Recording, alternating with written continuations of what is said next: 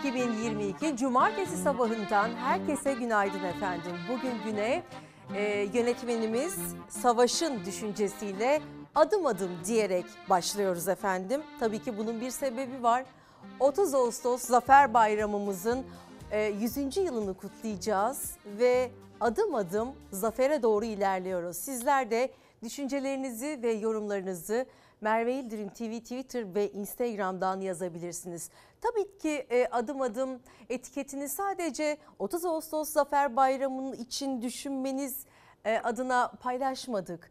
Tüm düşüncelerinizi ve yorumlarınızı bizimle paylaşabilirsiniz. Gündem oldukça yoğun. Özellikle bu hafta sığınmacılar ve göç tartışması e, oldukça gündemdeydi. Siyasi gündem oldukça hareketliydi. Yine seçim tartışmaları, aday kim olacak sorusu ve tabii ki üniversite öğrencilerimiz için sağlanabilecek mi e, yeni koşullar? Yurt problemi nasıl çözülecek? Kira problemi nasıl çözülecek? EYT'lilerin problemi, formülleri üzerinde neler oluyor? Bunları konuşarak geçti aslında bir hafta. Hepsine bugün yakından göz atmaya çalışacağız. Önemli bir konuğumuz var. Özellikle konut kriziyle alakalı önemli açıklamaları olacak. Kiptaş Genel Müdürü e, bizimle birlikte olacak ve konutlarla alakalı özellikle İstanbul'da e, konut kriziyle alakalı sorulması gereken tüm soruları da kendisine soracağız. Özellikle kentsel dönüşüm meselesi e, 17 Ağustos 1999 depreminin yıl dönümü dolayısıyla tekrar gündeme geldi ve yapılan araştırmalar gösterdi ki maalesef e, o günden bugüne İstanbul'da çok bir şey yapılmamış ve hepimiz büyük risk altındayız İstanbul'da yaşayanlar olarak. Olası bir felakette nasıl bir kaosun içine sürükleneceğimizin istatistikleri ortaya çıktı. İşte bu noktada hangi çalışmalar yapılıyor ya da yapılması gerekir gibi konuları da sizlerle paylaşıyor olacağız. Ama şimdi en başta şöyle bir manzaramızla buluşturalım istiyoruz sizleri. Muhteşem bir deniz havası İstanbul Zeytinburnu Kazlıçeşme mevkiinden bu görüntüler. Şu an için sakin sokaklar ama özellikle bu yaz mangalcıların çok daha az olduğunu size tekrar vurgulamak istiyorum. E, ortalıkta çöp yok bu güzel bir şey ama keşke herkes mangal yakabilse maalesef fiyatlar mangalcıları etkiledi ve bizim yıllardır kanalımızda her yaz tanıklık ettiğimiz mangalcıların manzarası bu yaz yaşanmadı. Tabii ki e, aynı zamanda bunun yasaklarla da alakası var ama piknik yapan da göremiyoruz. Bunu da sizinle paylaşmak istiyorum. Sizin gözlemlediğiniz ekonomi yansımalarını da bize yazabilirsiniz efendim. Demişken bir de bakalım gurbetçilerimiz ne alemde? Yavaş yavaş e, sona ererken aslında yaz gurbetçiler de Avrupa yoluna yeniden düştüler. Bu yüzden sınır kapılarında bir yoğunluk söz konusu. Eğer yola çıkacak olan vatandaşlarımız varsa buradan onlara da bu uyarıyı yapalım. E, gurbetçiler saatlerce beklemek zorundalar ama eğer onları yolculayacak olanlar varsa da haberleri olsun. Tekrar geri dönüş yolundayız. Gayet güzel geçti. Ee, Türkiye özlemimiz her zamanki olduğu gibi de yine devam ediyor. Yaz yavaş yavaş sona ererken gurbetçiler için dönüş vakti başladı. Avrupa'da yaşayan Türk vatandaşları dönüşe geçti. Sınır kapılarında yoğunluk yaşandı. Ağustos ayı sona ermek üzere Eylül ayının başında pek çok ülkede okullar açılacak. Bu yüzden izinlerini, tatillerini Türkiye'de yapan gurbetçiler dönüş yoluna koyuldu. Pazartesi günü işbaşı yapacak binlerce gurbetçi dönüşe geçince hem Bulgaristan hem Yunanistan sınır kapılarında yoğunluk oluştu. Gümrük işlemlerinin zaman alması da kuyrukları uzattı. Kilometrelerce uzayan kuyruk nedeniyle gurbetçiler saatlerce beklemek zorunda kaldı. 6,5 saattir buradayım. Hem Yunan tarafından kaynaklanıyor. Çünkü Türklerin aracını sürekli arıyorlar ondan dolayı. Yetkililerde ricam Yunan tarafında gişelerin daha çok çabuk açılması ve bizim bağışlarımızın o kadar didik didik aranmaması. Adım adım 30 Ağustos Zafer Bayramı'nın 100. yıl dönümüne gidiyoruz efendim. Bu arada Sayın Cumhurbaşkanı Erdoğan iki gündür Ahlat'ta ve Malazgirt Zaferi'nin 951. yıl dönümü sebebiyle orada. Cumhur İttifakı ortaklarıyla birlikte orada ve e, bir yandan da muhalefet var tabii ki. En başta Cumhurbaşkanı Erdoğan'ın Ahlat'taki açıklamalarına göz atıyoruz. Biz ezanlar susmayacak, bayrak inmeyecek dedikçe yürekleri daralananlar, gözleri dönenler, elleri ayakları titreyenler beyhude yere endişe ediyor. Malazgirt Zaferi'nin 951. yıl dönümü. Cumhurbaşkanı Erdoğan'ın mesajları isim vermedi ama ezandan bayraktan rahatsız olanlar olduğunu söyledi. Bu ezanlar, bu bayraklar, bu zaferler, bu şehitler onların da özgürlüğünün, haysiyetinin, geleceğinin teminatıdır. Yeter ki vatanlarına ihanet etmesinler. Yeter ki milletine düşmanlık yapmasınlar. Yeter ki milli ve manevi değerlerimize husumet beslemesinler. Bunun dışında herkes başımızın tacıdır. Cumhurbaşkanı Erdoğan ve Cumhur İttifakı ortakları Devlet Bahçeli, Büyük Birlik Partisi lideri Destici iki gündür Ahlat'ta. Bakanlar, kuvvet komutanları da Malazgirt Zaferi'nin yıl dönümü etkinlikleri nedeniyle Selçuklu mezarlığını ziyaret ettiler. El Fatiha. Devlet protokolünün ağırlandığı çadırın dışında Ahlat'ta etkinliklerde sivil toplum örgütleri gibi belediyeler de tanıtım çadırları kurdu. Ağrı Belediyesi de çadırı ziyaret edenler Erdoğan maketiyle fotoğraf çektiriyor. Onlardan biri de Dışişleri Bakanı Mevlüt Çavuşoğlu'ydu. Türk tarihinde pek çok zafer varken Malazgirt'in üzerinde bu kadar çok durmamızın bir sebebi vardır. Çünkü Malazgirt milletimizle birlikte tüm İslam dünyasının bir zaferidir. Malazgirt bu coğrafyada kazandığımız diğer tüm zaferlerin ilk adımıdır. Anasıdır. Cumhurbaşkanı Erdoğan ecdadın izinde yürümeye devam edeceğiz dedi. Seçim mesajı da verdi. Kapı kapı dolaşıyor muyuz? Cumhur İttifakı olarak sandıkları patlatmaya var mıyız? Zafere inanmış bir başkomutan ve bir ordunun milletin düşmana karşı saldırıya geçtiği günün büyük taarruzun başlamasının 100. yılındayız. CHP lideri Kemal Kılıçdaroğlu ve Demokrat Parti lideri Gültekin Uysal'la binlerce kişi 100 yıl önce Atatürk'ün ve ordusunun düşman üzerinde yürüdüğü yoldaydı. Zafer yolundaydı. İşte muhalefetin 100. yıla istinaden eee bulunmuş olduğu eylem.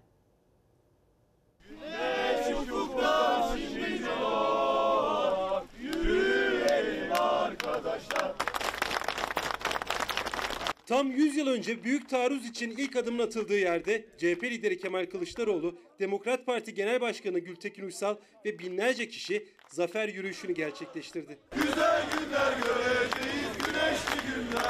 Biz önümüzdeki yüzyılda çok daha güzel bir Türkiye'yi el birliğiyle, gönül birliğiyle kuracağız. Gazilerimiz, şehitlerimiz onların hepsine minnet borçluyuz. kıt kanaat imkanlarla iman varsa imkan da vardır diyerek yürüyen ecdadımızı andık. 19 Mayıs 1919'da Samsun'da yakılan bağımsızlık meşalesinin taşındığı, bir milletin cesaretinin zirveye çıktığı, Anadolu'nun işgalden kurtulmasındaki en önemli durak Afyonkaratepe.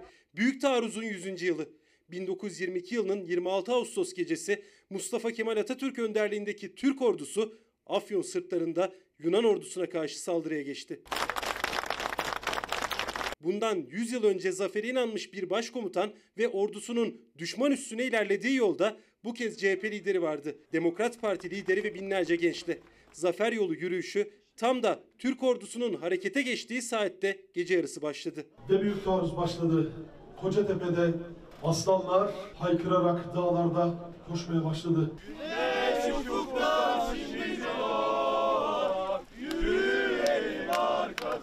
Bir ayranımızı içelim. Vallahi ayran içerdik tabii ama şimdi bu saatte olmaz. Büyük taarruzun başladığı noktadan Afyonkarahisar Çakırözü köyünden Kocatepe anıtına 15 kilometrelik zafer yolu yürüyüşü 6 saat sürdü. Her birimiz geçmiş ayrılıklarımıza bakmadan daha sağlıklı ve daha güzel bir geleceği inşa etmek için mücadele etmeliyiz.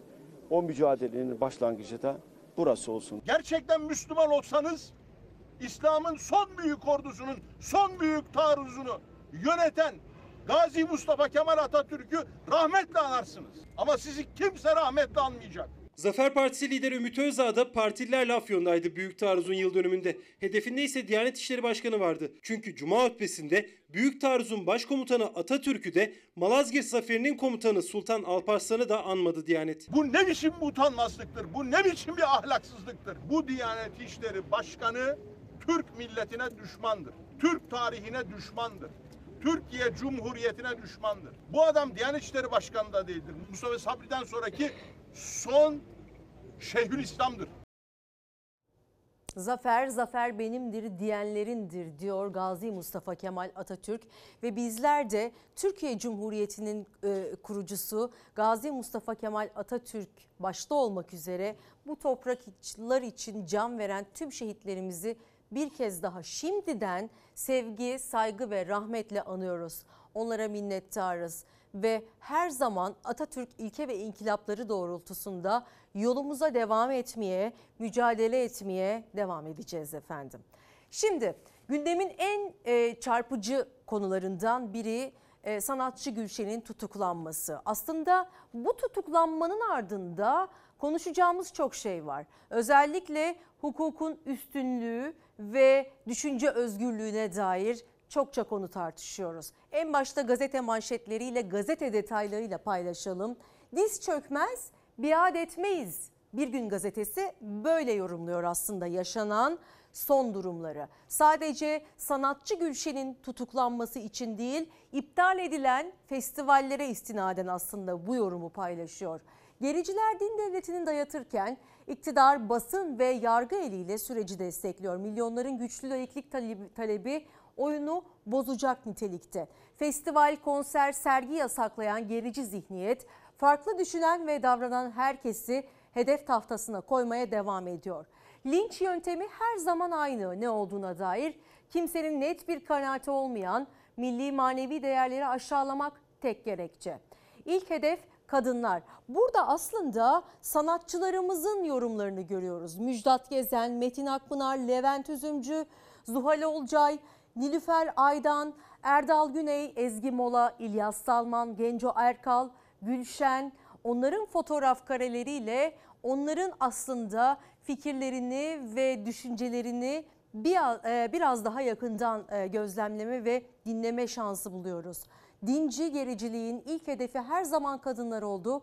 Sesinden gülüşüne, giyinişine kadar dincilerin projeksiyonu sürekli kadınların üzerinde oldu. AKP iktidarının uygulamalarına karşı dimdik duran kadınlar Cumhurbaşkanı tarafından hakarete maruz bırakıldı. Aslında Gülşen, Gülşen'in tutuklanmasının ardında daha önce yaşanan bazı sıkıntılar ve halen de yaşanmakta olan e, hukuki olarak uygulanması gerekenlerin uygulanmadığı konuları aklımıza geldi. Bir yandan da aslında e, daha önce kadınlara yapılan hakaretler, günümüzde de yine kadın şiddetinin önüne geçilemediği, çocukların tacize ve cinsel istismara uğradığı ya da binbir tehdidin sosyal medyada ya da e, gün içerisinde yolda, sokakta her yerde karşımızda olduğu şiddet söylemlerinin önüne geçilemediği bu günlerde niçin Gülşen'in birkaç ay önce sarf etmiş olduğu sözler üzerinden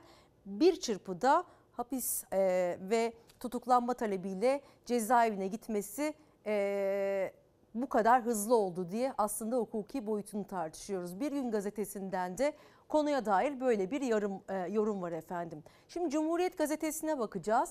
Cumhuriyet Gazetesi'nde ise adaletsiz karara isyan başlığını görüyoruz. Gericiliğe karşı ortak ses. Aslında görüş ayrılığı olsa da, görüş farklılıkları olsa da Gülşen'in tutuklanmasıyla alakalı çok farklı cephelerden ortak görüşler açıklandı. İşte bu noktada da Cumhuriyet Gazetesi'nden böyle bir manşet görüyoruz. Hukuksuz tutuklamalar yargıya güveni bitiriyor uyarısı.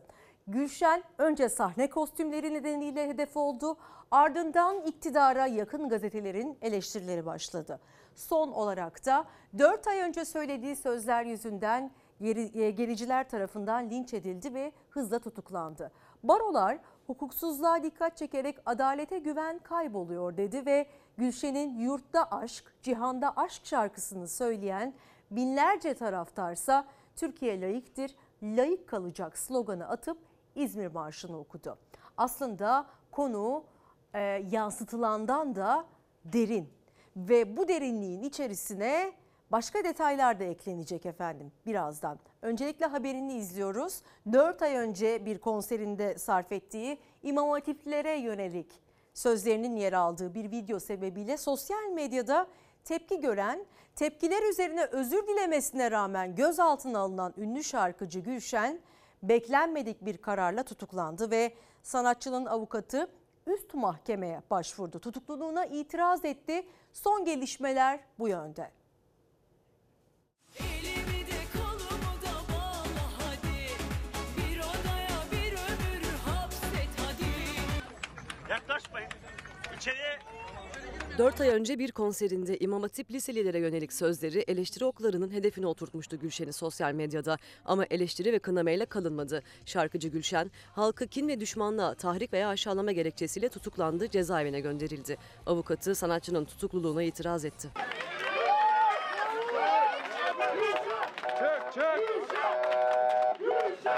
Türkiye bir hukuk devleti ve e, yasaların müvekkilim içinde adil ve eşit bir şekilde uygulanmasını beklerdik. Avukatı da şaşkındı çünkü karar hukuki olarak da kamuoyu nezdinde de beklenmedikti.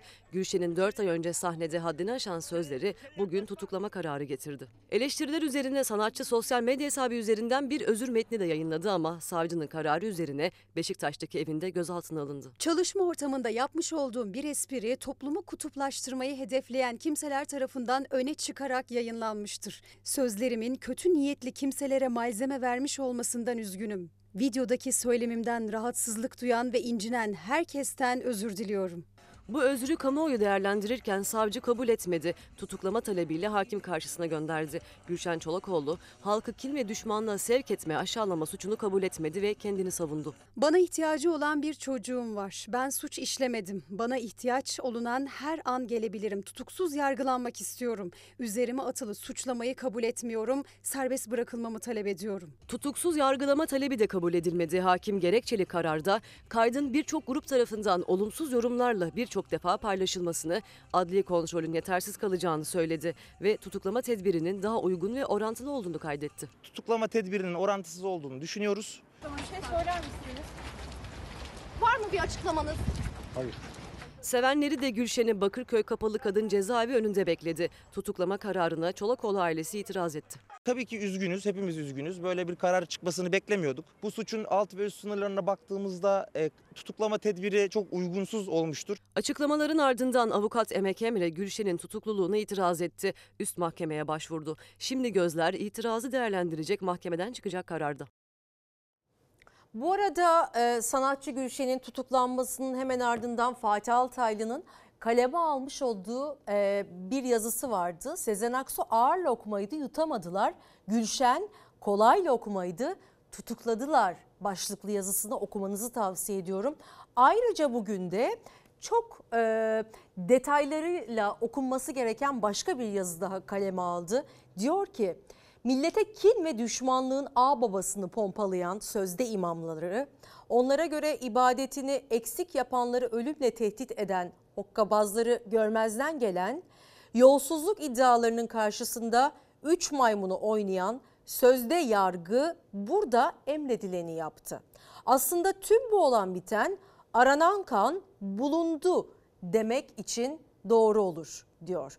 Toplumsal gerilim, din üzerinden kutuplaşma, mütedeyyin kitleyi din elden gidiyor, siyasal İslam karşıtlarını ise şeriat geliyor diye kamplaştıracak bir olay lazımdı, bulundu. Şimdi üzerinde tepinilecek belli ki. Bu berbat gelişmenin tek olumlu tarafı dün geceki Fenerbahçe tribünleriydi. Kutluyorum onları diyor Fatih Altaylı yazısında bugünkü. Habertürk yazarına da buradan sevgi ve saygılarımızı iletiyoruz. Ve gazetelerle devam edersek Evrensel Gazetesi'nden devam etmeden önce e, açıklananları sizlerle paylaşalım. Örneğin Türkiye Barolar Birliği'nden Bu alınan karara dair şu açıklama yapıldı. Orantısız uygulanan tutuklama tedbiri bağımsız yargıya duyulan güveni zedeler dedi Türkiye Barolar Birliği. Bu arada pek çok müzik otoritesinden farklı farklı açıklamalar var ve tabii ki MÜO1 de bir açıklama yaptı. Kamuoyunun dikkatine başlıklı bir açıklama yaptı. Pandemi sürecinde başlayan zorunlu müzik, müzik yasakları salgının bitmesine rağmen artarak devam etmiştir. Festivallerin, konserlerin iptal edilmesi, yasaklanması olağan hale gelmişti. Bu sırada sanatçılar kostümlerinden etnik kimliklerine, repertuarlarından siyasi görüşlerine kadar her konuda eleştirilere maruz kalmıştır. Aralarında üyelerimizin de olduğu sanatçılar bugüne kadar görülmemiş baskılarla, yaptırımlarla karşı karşıya kalmıştır. Tüm bu yaşananlar çerçevesinde son olarak değerli üyemiz Gülşen'in tutuklanma kararı bize hukuki değil, siyasi bir karar olduğunu düşündürmektedir. Bu kararın bir an evvel gözden geçirilmesi ülkemizin ve demokrasinin geleceği açısından hayati önem taşımaktadır. İktidarın sanatı ve sanatçıyı kucaklayıcı, birleştirici bir siyaseti ilke edinmesi en büyük arzumuzdur. Kamuoyuna saygıyla duyurulur diyor Miyor 1. Aslında e, hem hukukçuların hem de müzik otoritelerinin e, ve sanatla uğraşanların, sanatçılarımızın ortak dili ve ortak görüşü aynı bu açıklamalara baktığımızda ve görüş farklılıkları olsa da e, farklı farklı görüşler sergilese de pek çok AK Partili ve pek çok e, farklı görüşteki gazeteci aslında bu kararın yanlış olduğunu da tekrar tekrar vurguladı. Kutuplaştırma ve kuşatma politikası diyor Evrensel Gazetesi bu konuya. Şarkıcı Gülşen'in geçmişte kullandığı sözlerin bir anda servis edilip jet hızıyla tutuklanmasına dair gelen tepkileri evrensel yazarları değerlendirdi. Ee, mesela dini referanslarla kuşatma yorumu yapıldı. Siyaset, iç ve dış politikanın sorunlarından, savaş ortamından, yaklaşan ekonomik krizden bir süreliğine koptu. Gülşen'in kıyafetlerine, sözlerine kilitlendi. Asıl tehlikelisi şerif faşizmin maddi yaşam koşulları zorlaştıkça bir ahlak, din ve kültür savaşını şiddetlendirecek olması. Kimsenin görüşü, kimsenin düşüncesi, fikri kimseyi ilgilendirmez. Ee, tabii ki e, bazı söylemlere dikkat edilmelidir. Eğer ağızdan bir yanlış cümle çıktıysa da bunun özrü dilenmelidir ki sanatçı Gülşen de özrünü diledi. Ama bunun üzerine hukukçuların da söylediği gibi e, yasal sürecin tam olarak farklı e, olarak uygulandığının üzerinde durulduğunu da vurgulamak istiyorum efendim tekrardan. Sizlerin düşüncesi ne acaba? Özellikle kutuplaşmaya dair ve bu nefret söylemlerine dair, festivallerin iptallerine dair sanatçı olun ya da olmayın.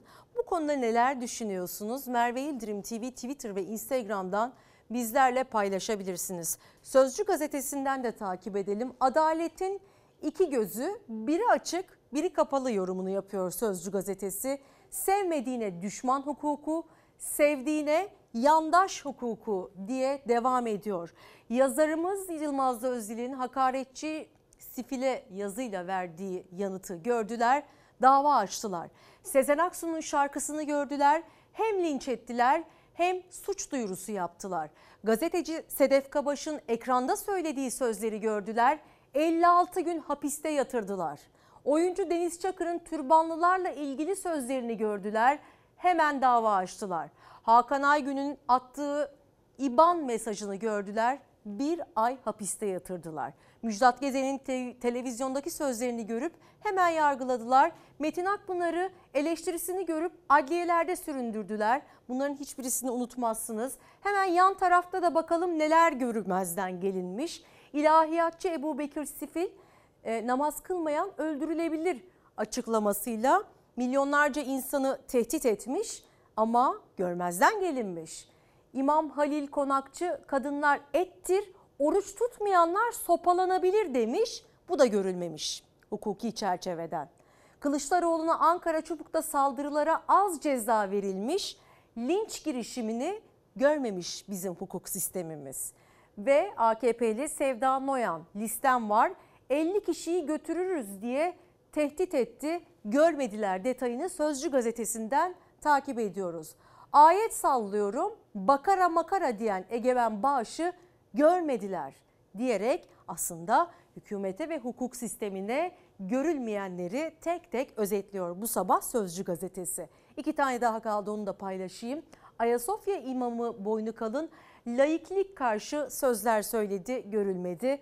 İmam Mustafa Demirkan Atatürk'e kafir ve zalim dedi ve bu da görülmedi. Bu da sadece e, aslında Sözcü gazetesinin son bir yıl içerisindeki derlemiş olduğu meseleler. Madem ki hukuk var, madem ki hukuki kurallarımız var, madem ki yasalarımız var o zaman ayrım istemiyoruz.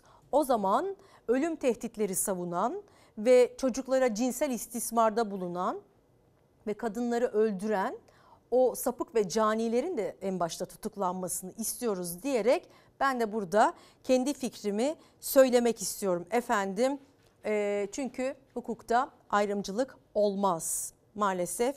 Eğer e, hukuka aykırıysa bunlar o zaman kişiye göre karar verilmemeli ya da kişinin görüşüne göre değerlendirilmemeli ve e, Atatürk'ü hakaret edenler ya da troller, tacizciler o zaman onlar da görmezden gelinmesin ve gereği yapılsın. Ya da e, yasalar böyle işliyorsa artık bundan da bizim bilgimiz olsun. Hukuk devleti diyoruz çünkü Türkiye'ye ve böyle kalması için de her zaman mücadele e, edeceğiz. Türkiye bir hukuk devletidir. Tabii ki farklı farklı tepkiler de geldi. E, hem sanatçılar cephesinden hem siyasetçiler cephesinden baktığımızda e, sanatçı Gülşen'in tutuklanmasına dair farklı farklı yorumlar yapıldı.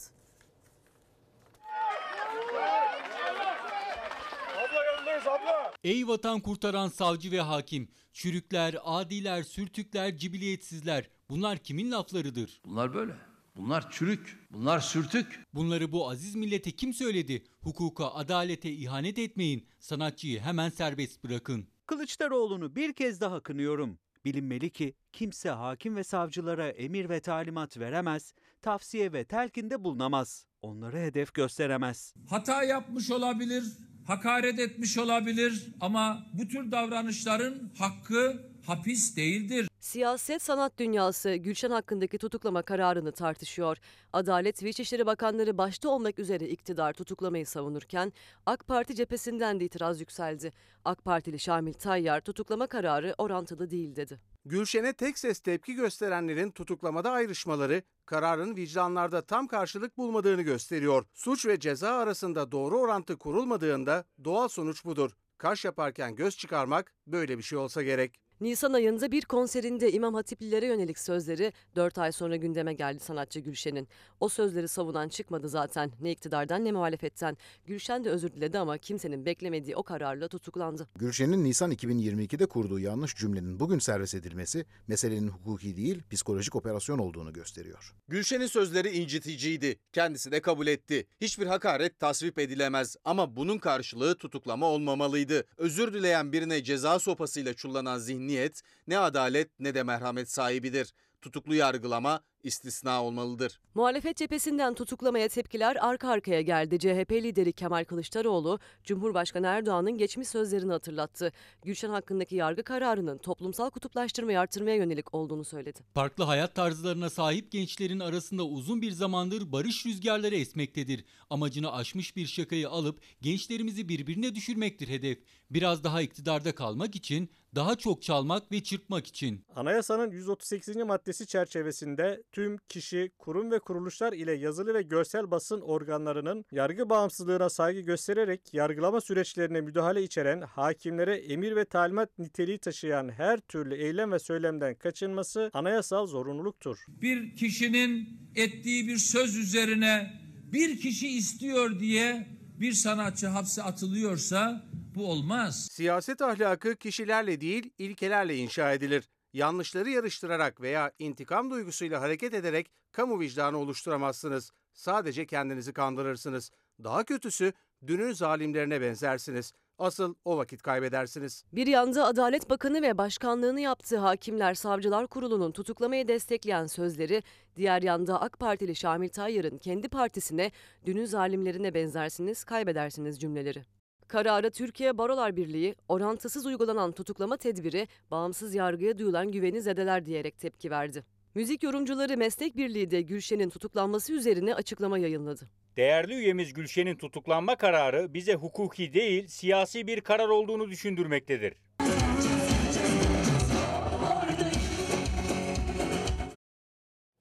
Madem bu kadar jet soruşturmalarla jet kararlar alınabiliyor lütfen e, gerçekten hapishanede olması gereken ve cezalandırılması gereken kişileri de bir an önce jet tutuklamalarla e, jet hızıyla cezaevine koysunlar efendim diyerek sözlerimizi burada e, biraz olsun noktalayalım şimdilik. Tekrar tabii ki sizin düşüncelerinizi de paylaşacağız. Yazabilirsiniz Merve İldirim TV Twitter ve Instagram'dan düşünce özgürlüğüne dair haklara, hukuka dair konuşmamız gereken çok şey var ve bu seçim sürecinde eminim ki en çok konuşacağımız konuk e, konu maalesef hukuk sistemimizle alakalı olacak gibi görünüyor.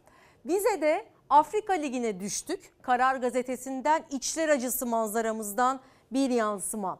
Can sıkan tablo. Avrupa geçen yılın geçen yıl Türkiye'den yapılan vize başvurularının %16'sını kabul etmedi. Redler son 6 yılda tam 4 kat arttı.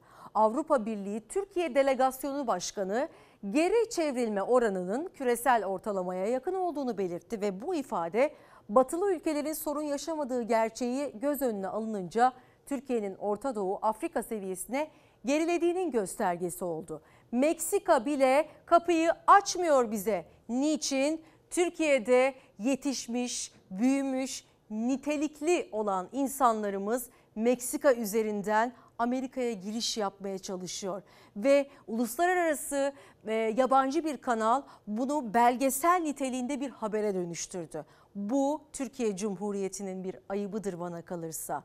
Bizim vatandaşımız kendi ülkesine yabancılaşırken, Suriyeli göçmenleri ve sığınmacıları konuşurken nitelikli vatandaşlarımızın Meksika sınırından başka ülkelere gidiyor olması, gitmeye çalışması ve o ülkelerin bile o üçüncü sınıf olarak nitelendirdiğimiz birkaç yıl öncesine kadar nitelendirdiğimiz o ülkelerin bile bizlere kapıyı kapatması maalesef çok onur kırıcı. Ee, Schengen'de redler 2015'te %4'müş 4 kart artışla 2021'de tam %16'ya çıktı. İşte bu da siyasi güvensizlik. Aslında e, Türkiye'de insanların güvende hissetmemesi kaynaklı e, bu göç oranlarıyla alakalı ve tabii ki e, acaba buraya gelenler geri dönerler mi ülkesine gibi düşüncelerle ve fikirlerle Avrupa Birliği'nden, Amerika Birleşik Devletleri'nden işte böyle reddiyor Türkiye Cumhuriyeti vatandaşları. Tabi dış politikada çok e, hareketli.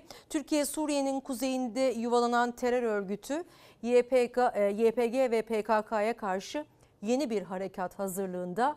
Cumhurbaşkanı Erdoğan Malazgirt'ten dünyaya net mesajlar verdi ve vatanımızı bölmeye çalışanın gözünün yaşına bakmayız dedi ve tabii ki sınırda memleketimiz için, topraklarımız için mücadele eden tüm askerlerimize, tüm Türk Silahlı Kuvvetleri mensubu, mensuplarımıza buradan minnetlerimizi ileterek habere gidiyoruz. Hiçbir saldırıya, hiçbir oyuna, hiçbir tuzağa tahammülümüz yoktur. Vatanımızı bölmeye, devletimizi yıkmaya çalışan hiç kimsenin gözünün yaşına bakmayız.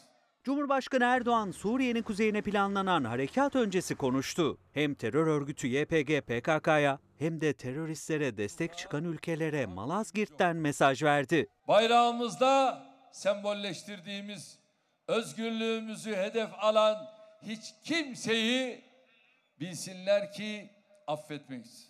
Ankara-Şam hattında yakınlaşma iddiaları sürerken Türkiye bir yandan da Suriye kuzeyine yeni harekat hazırlıkları içinde. Hedefte Fırat'ın doğusunda Amerika Birleşik Devletleri'nin, batısındaysa Rusya'nın kolladığı terör örgütü YPG PKK var. Milli Savunma Bakanı Akar, iki ülkeye 2019 yılındaki mutabakatlara uyma çağrısı yaptı. Teröristler bölgeden temizlenmeli dedi. Özellikle iki noktayı işaret etti. Son dönemde Tel Rifat ve Münbiç bölgesi tamamen terör yuvasına, terör batağına döndü. Buradan gelen tacizler binleri aştı. Bölgemizde terörün, teröristlerin hiçbir geleceği yok. Türkiye'nin bölgede terörle mücadelesi ise hız kesmeden sürüyor. Milli Savunma Bakanlığı, Fırat Kalkanı bölgesinde 6 PKK-YPG'li teröristin etkisiz hale getirildiğini açıkladı. Bir gece ansızın gelebiliriz. Hem de her yere gelebiliriz.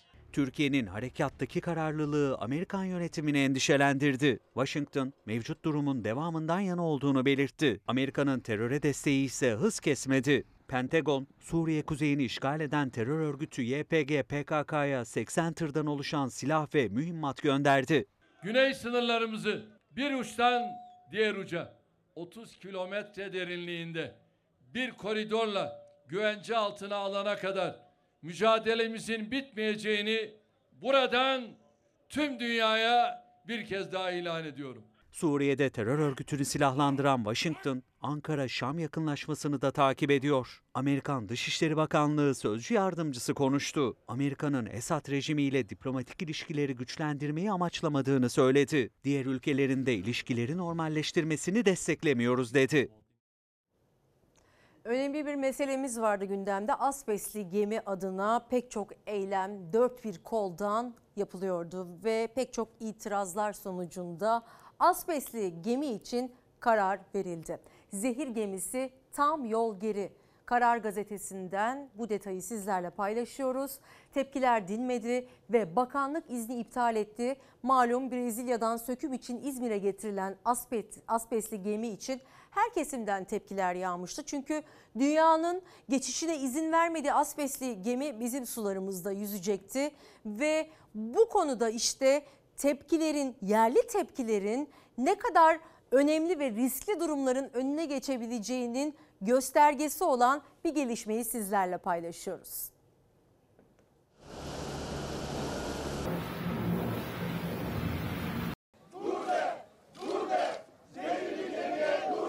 bize bildirilen tutarlar ve bilgiler dışında herhangi bir bilgiye rastlarsak bu ülkeyi, gemiyi ülkemize sokmayacağımızı da net bir şekilde söyledik. Yükselen sesler ve başta bakanlık tarafından kabul edilmese de zehir yüklü olduğunu ortaya koyan raporların ardından Çevre ve Şehircilik Bakanlığı bu kez ani bir kararla Brezilya'dan yola çıkan asbestli gemiyi Türkiye'ye sokmuyoruz dedi.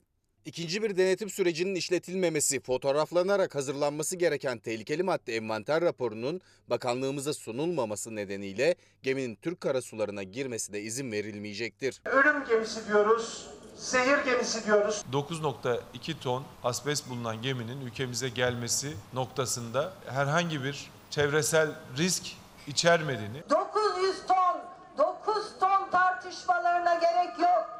9 gram asbeste bile karşıyız. Gemi söküm işçisine bir toz maskesini bile çok gören bir zihniyet bunu ne yazık ki e, uygun sökemez. İddia Brezilya'dan yola çıkan Sao Paulo isimli gemide 900 ton asbest ve zehirli madde olduğuydu. Çevre Bakanı Murat Kurum bugüne kadar 900 değil 9 ton asbest var diyerek savundu geminin gelişini. Böyle bir geminin sökümünü dünyada yalnız iki ülke yapabiliyor. Hindistan ve Türkiye'de Ali Ağa. Gemi Türk karasularına girdiğinde ayrıca biz de kontrol edeceğiz. Ve bir ay önce yapılan yazılı açıklamada gerekli ölçümlerin yapıldığını dile getirmişti. Gemiyi sökecek şirket yetkilileri de çok sert bir dille iddiaları yalanlamıştı. paçavra diyeceğimiz bilinmeyen evraklar, bilinmeyen kelimelerle bu kadar yüklü miktarda asbestin söylenmesi sektörümüze ve buradaki patronlara çok zarar veriyor. Asbestli gemi tartışmalar sürerken yola çıktı ama bakanlık sesler daha da yükselince Brezilya'dan gemi gelmeden sunulması gereken raporları istedi. Ama rapor ortada yoktu. Şartlı onay vererek sökümü kabul eden Türkiye şartlar yerine getirilmediği için geminin girişine izin vermeme kararı aldı. gemiyi ülkemize sokmayacağımızı da net bir şekilde söyledik ve sokmayacağız. Temmuz ayında emekli maaşlarıyla Şimdi, ilgili şimdi bir bunları konuşmayacağım. Orada orada konuşuyorum. Bütün milletimize İstanbul Büyükşehir Belediye Başkanı'nın o meseleyle ilgili açıklaması oldu. İyiliğin zamanı. Hadi bakalım. Gerçeğin peşine düştük, ısrarla sorduk. Bu ziyaretlerden CHP Genel Merkezi rahatsız mı? Mutlaka selamımı ilet der. Başkent Kızı'nın Ensar Vakfı'na aktardığı 7 milyon 925 bin dolar vergi kaçırıldığını iddia ediyorlar. Sıcak anların tanığı olduk. Yanında iki binada da ağır hasar vardı. Çatısından alevler yükselen hastaneyi şu anda söndürme çalışmaları devam ediyor. Haberi yerinden aktardık. Polis engel olmaya çalışıyor, sağlık çalışanları ise yola çıkmaya çalışıyor. Çorlu'da yakınlarını kaybeden aileler yürüyüşe geçtiler. Kameralar önünde konuşulmayanı anlattık. Başkent kulislerinin perdesini araladık. güçlendirilmiş parlamenter sistem hedefiyle yürüyoruz dediler. AYM kararıyla meclisin kararı yok hükmünde sayılmıyor. Çocuğuna diyor yapacak bir tarla satıyor. Süt satışı da bitti. Gerçek çiftçi bu ülkenin köylüsü faydalanabiliyor.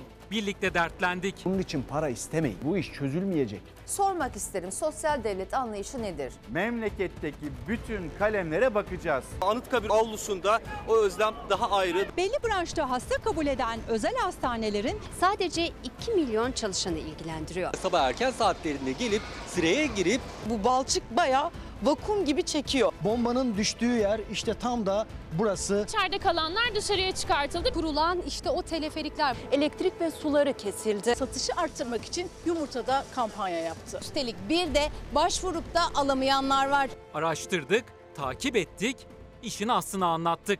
Tüm bu haberleri hazırlarken gücümüzü sadece ve sadece sizden alıyoruz. Yine soracağız, sorgulayacağız, saklamayacağız. Yalanı, talanı, olanı biteni anlatmaya devam edeceğiz. Bağımsız haberin adresi Fox Haber'de yeni yayın dönemi 29 Ağustos'ta başlıyor. Efendim şimdi kısa bir ara veriyoruz ve dönüşte Kiptaş Başkanı Ali Kurt bizlerle birlikte olacak. Özellikle konut meselesine dair İstanbul'daki konut meselesine dair, kentsel dönüşüme dair önemli açıklamaları var.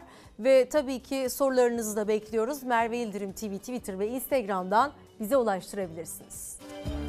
Efendim tekrar birlikteyiz. Saatlerimiz 9.25'i gösteriyor.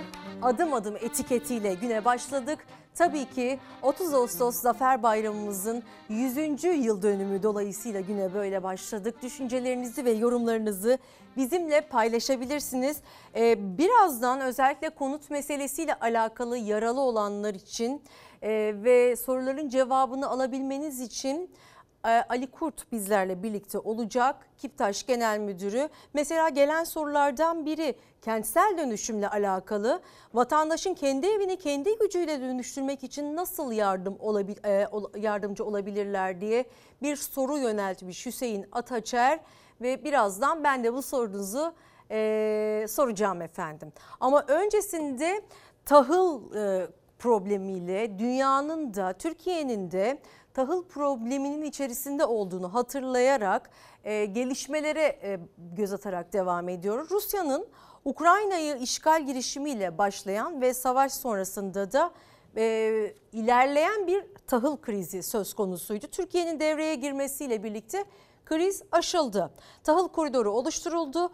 Ulaştırma Bakanı Adil Kara İsmailoğlu tahıl koridorundaki son durumu anlattı. Bakalım neler yaşandı. Hepinizin bildiği gibi Ukrayna tahılının dünyaya ulaşmasında çok önemli bir yeri edinen tahıl koridoru Sayın Cumhurbaşkanımız ve Türkiye'nin öncülüğünde ve girişimiyle ilgili kurumlarımızla işbirliği ile birlikte çok yoğun bir şekilde hizmet vermeye devam ediyor. Ukrayna çıkışlı tahıl koridoru kapsamında bugüne kadar toplam 41 gemi Ukrayna'nın limanlarından yüklü olarak kalkış yaptı. Söz konusu gemilerle 9 farklı çeşit yük taşındı. 44 geminin 17'si Türk bayraklı, sahipli veya işletenidir. 44 geminin 19'u yüklerini Türkiye limanlarına getirdi. Bugüne kadar toplam taşınan yük miktarı 984.536 tondur. Türkiye limanlarında gelen gemilerin taşıdığı toplam yük ise 228.971 tondur. Yani toplam yükün yüzde 27'si bizim limanlarımıza gelmiştir. Ukrayna limanlarında bekleyen diğer gemiler için de girişimlerimiz yoğun bir şekilde devam etmektedir. İstanbul'un en değerli alanlarından biri olan Etiler Polis Okulu arazisi imar planlarının iptal edilmesine rağmen gökdelen inşaatları haberleriyle yeniden gündeme gelmişti. İstanbul Büyükşehir Belediyesi ruhsatı iptal etti. Bu inşaatın durdurulmayan ruhsatların iptal süreci oldu. Şehrin en değerli noktalarından birinde Etiler'de polis okulu arazisinde gökdelenler yükselecekti. İstanbul Büyükşehir Belediyesi tartışmalı inşaatın ruhsatını iptal etti. 2013 yılında Bakanlar Kurulu tarafından riskli alan ilan edildi. Aslında riskli alan ilan edilmeden önce de e, buranın bakanlık tarafından e, imar planları yapılıyor. İstanbul Beşiktaş'taki Etiler Polis Okulu arazisi riskli ilan edilince 2014'te kapatıldı. Arazi İçişleri Bakanlığı ile yapılan protokolle İstanbul Büyükşehir Belediyesi'ne devredildi. Bedeli yaklaşık 430 milyon lira olarak belirlenen arazinin imar planı değiştirildi, ticaret ve hizmet alanı olmasına karar verildi. 100 bin metrekarelik inşaat hakkı sağlandı. 2018 yılında ise İstanbul Büyükşehir Belediyesi satışa çıkardı, çok tartışıldı. 2018 yılında bir ek sözleşme ile birlikte işte e, İstanbul Büyükşehir Belediyesi'nin e, şirketi olan İmar AŞ burada İBB'nin e, payına ortak oluyor. E, sonradan da orada inşaatın e, yapılması için temel kazıları açılmış durumda. Kiptaş ihaleye çıktı, bir firma kazandı. İmar planları iptal edilmesine rağmen arazi o şirkete devredildi. 2021 sonunda ise 36 katlı 3 gökdelenden oluşan Boğaz manzaralı lüks rezidans projesindeki belediye hisseleri de 2021 sonunda 2 milyar 80 milyon lira karşılığında devredildi. Kazı başladı. Gökdelenlerin yükselmesine ise İstanbul Büyükşehir Belediyesi ruhsat iptaliyle dur dedi. Bu iptalden sonra artık herhangi bir inşaat faaliyet sürdürülemez. Burada bir mühürleme işlemi yapılıp e, o durdurulacak. Belediye yetkisini kullandı, tartışmalı inşaatı durdurdu. Ancak İstanbul Büyükşehir Belediye Başkanı Ekrem İmamoğlu'na göre işbirliği gereken alanlarda engellemeler devam ediyor. Ben istemez miyim? Sayın Cumhurbaşkanımıza ben de bu kürsüden keşke teşekkür edebilecek bir işbirliğimiz olsun. Ben istemez miyim?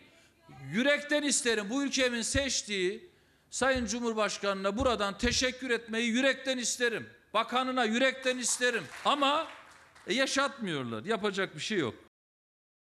Efendim uzun zamandan beri konut kriziyle karşı karşıyayız. Gerek kira e, rakamları özellikle İstanbul'da e, kira oranlarının yüksekliği, gerekse kredi faizlerinin konut kredisinde ulaşılabilir noktada olmaması, gerekse e, zaten parası dahi olanların e, ev bulamamasına dair pek çok kilitlenmiş vaziyet var karşımızda.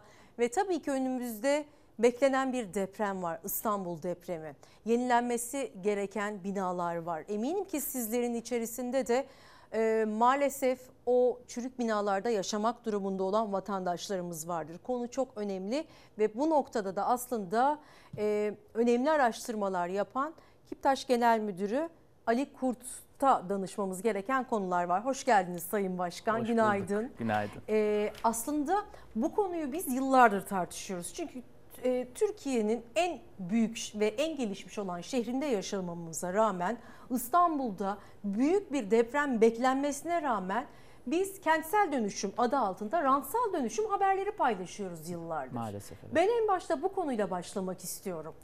Evet, maalesef İstanbul'un e, cazibesinin yüksek olmasından dolayı daha çok riskli yapıların dönüşümü birazcık e, değere dönme yönünde projelerle hep İstanbul'da gündeme geldiği için e, bizim de sahada gerçekten sosyal amaçlı yaptığımız dönüşüm işlerinde ciddi aksamalar yaşıyoruz. Çünkü vatandaşlarımız hep yanlış işleri örnek alarak kafası karışmış durumda. Uzlaşma süreçlerimizi çok e, zorluyor bu. Çünkü maalesef geçmişte kentsel dönüşüm adı altında daha çok daha rantı yüksek projeler hayata geçirildiği için İstanbul hala riskli yapı stoğuna fazlasıyla sahip.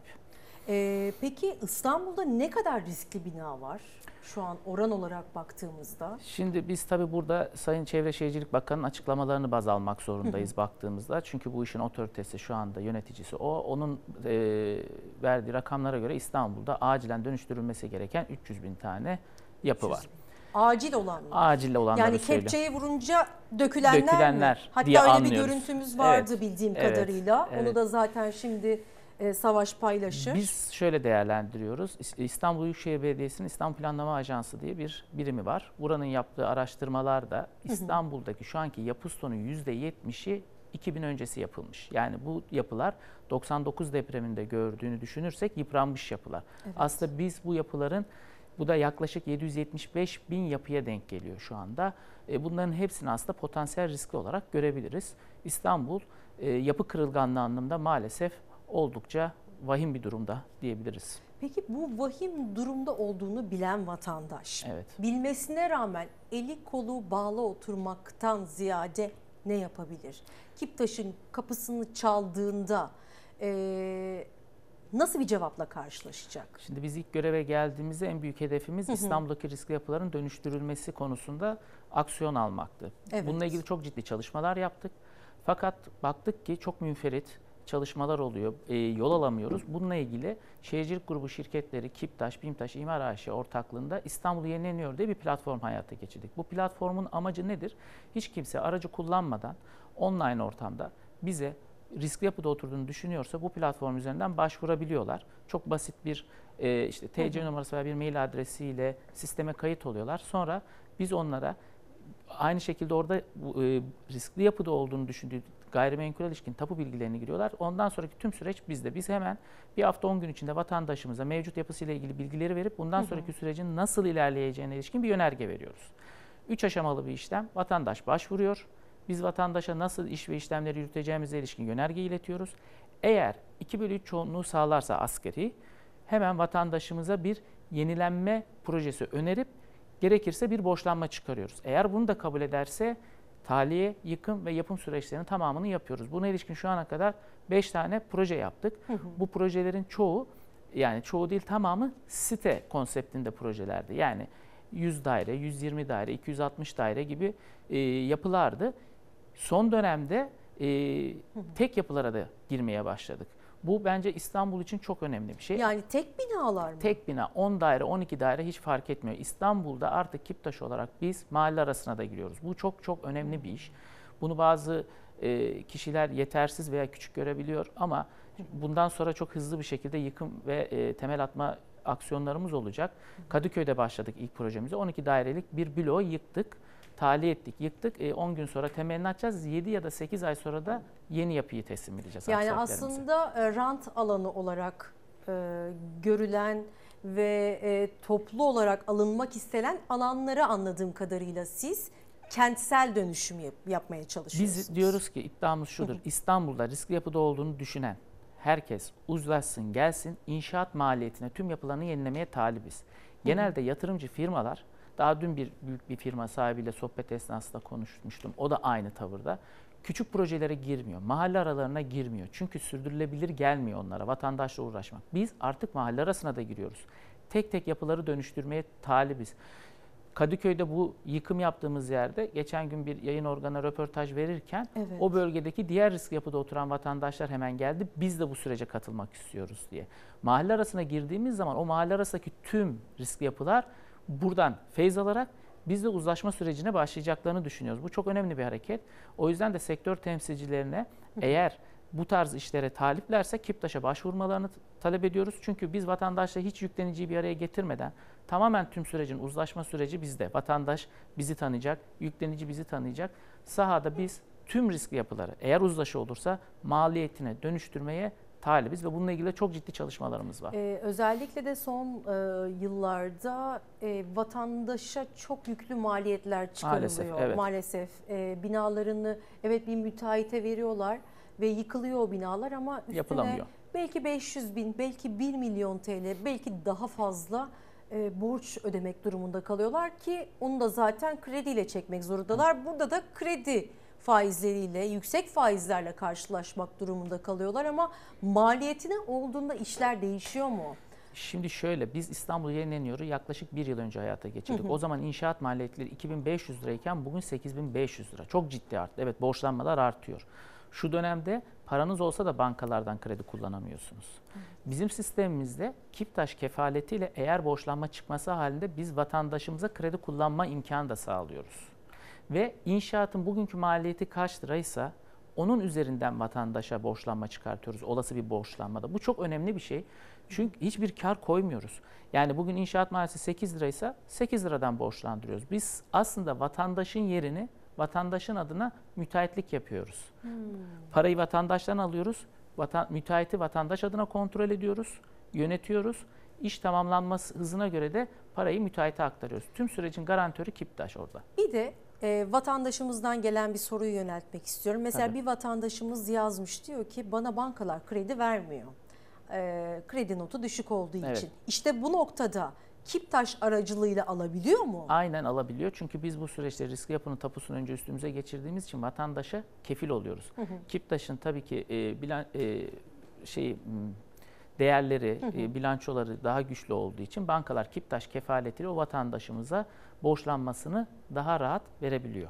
Evet. Tabii ki şu anda bankalarda da çok büyük kriz var. Kredi kullandırmak, kredi oranları bunlar bayağı sıkıntı ama bizim kefaletimizde bu süreçleri çok hızlı aşabiliyoruz şu anda. E, şu görüntüye bir kez daha yakından bakalım istiyorum Tabii. ben. Çünkü e, yıllardan beri özellikle Fox Haber muhabirleri İstanbul'da adım adım dolaşarak burada izleyeceğiz şimdi e, yönetmenimiz tekrar e, getirecek ekrana e, yıllardan beri bu binaları ziyaret ediyorlar. Ve her depremde de tekrardan üstüne basa basa gündemde tutmaya çalışıyoruz. Deniz kumuyla inşa edilen ya da 30-35 yıllık e, binalar işte ekrandaki görüntüler gibi.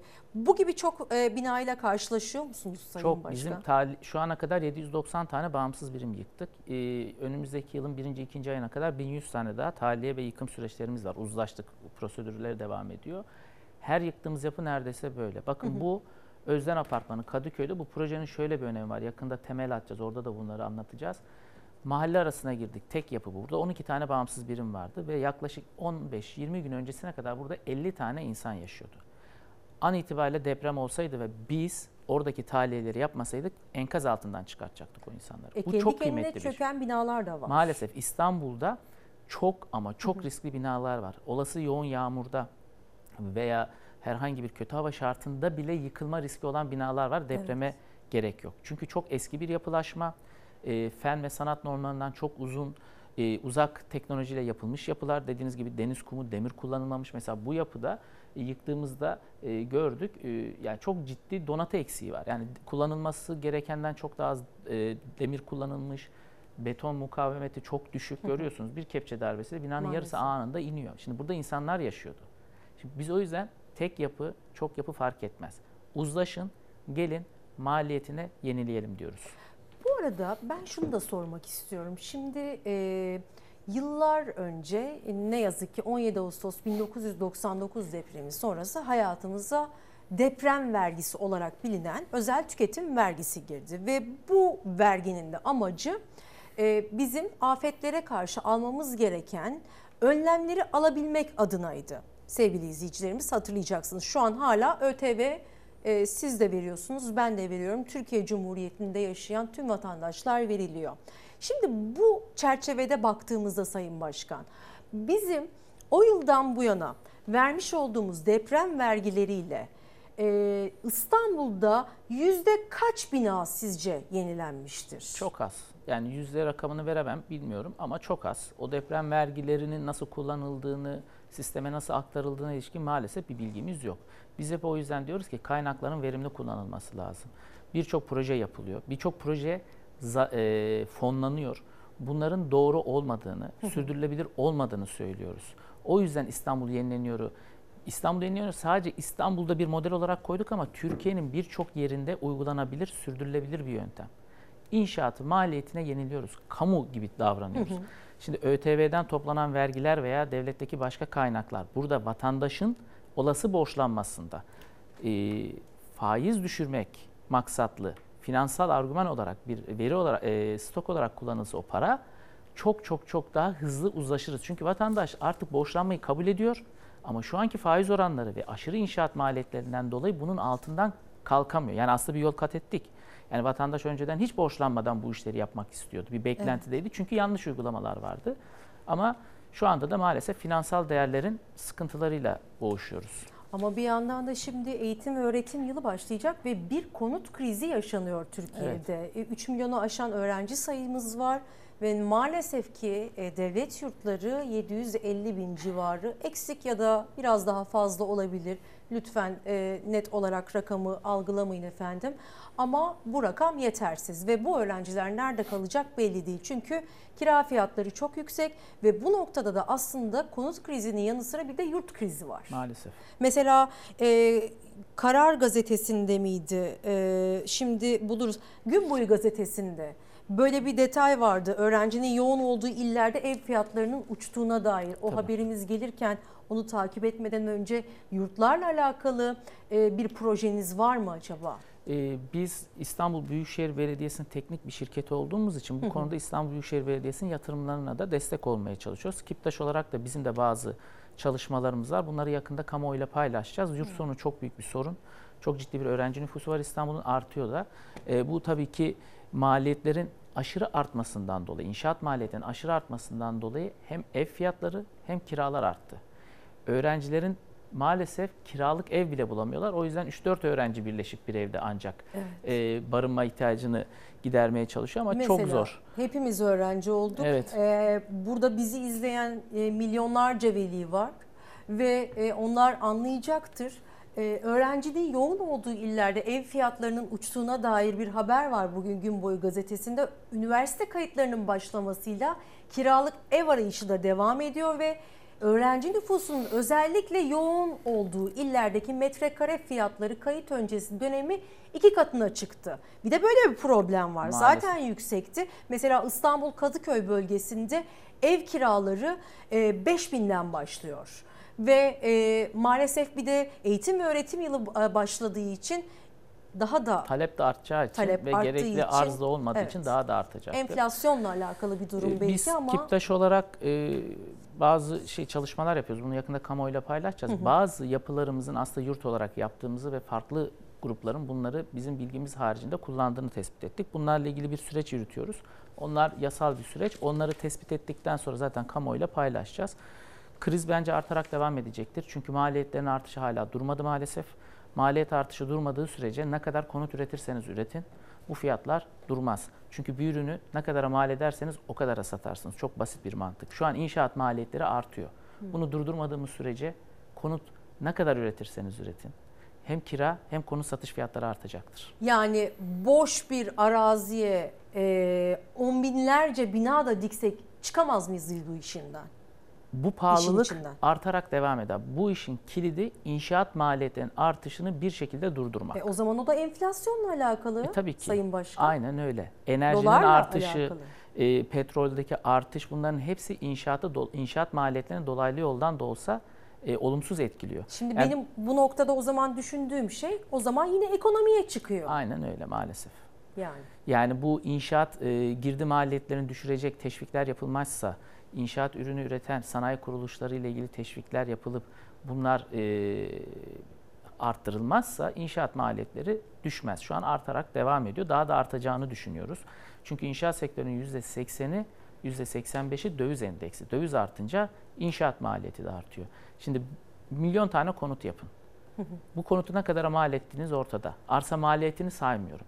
E, mal ettiğinizden satacağınız, bugün konutun maliyeti 8500 lira ile 10.000 TL arası. Yani 100 metrekare konut 850 bin ile 1 milyon TL arası. Arsa fiyatı yok. Finans maliyeti yok.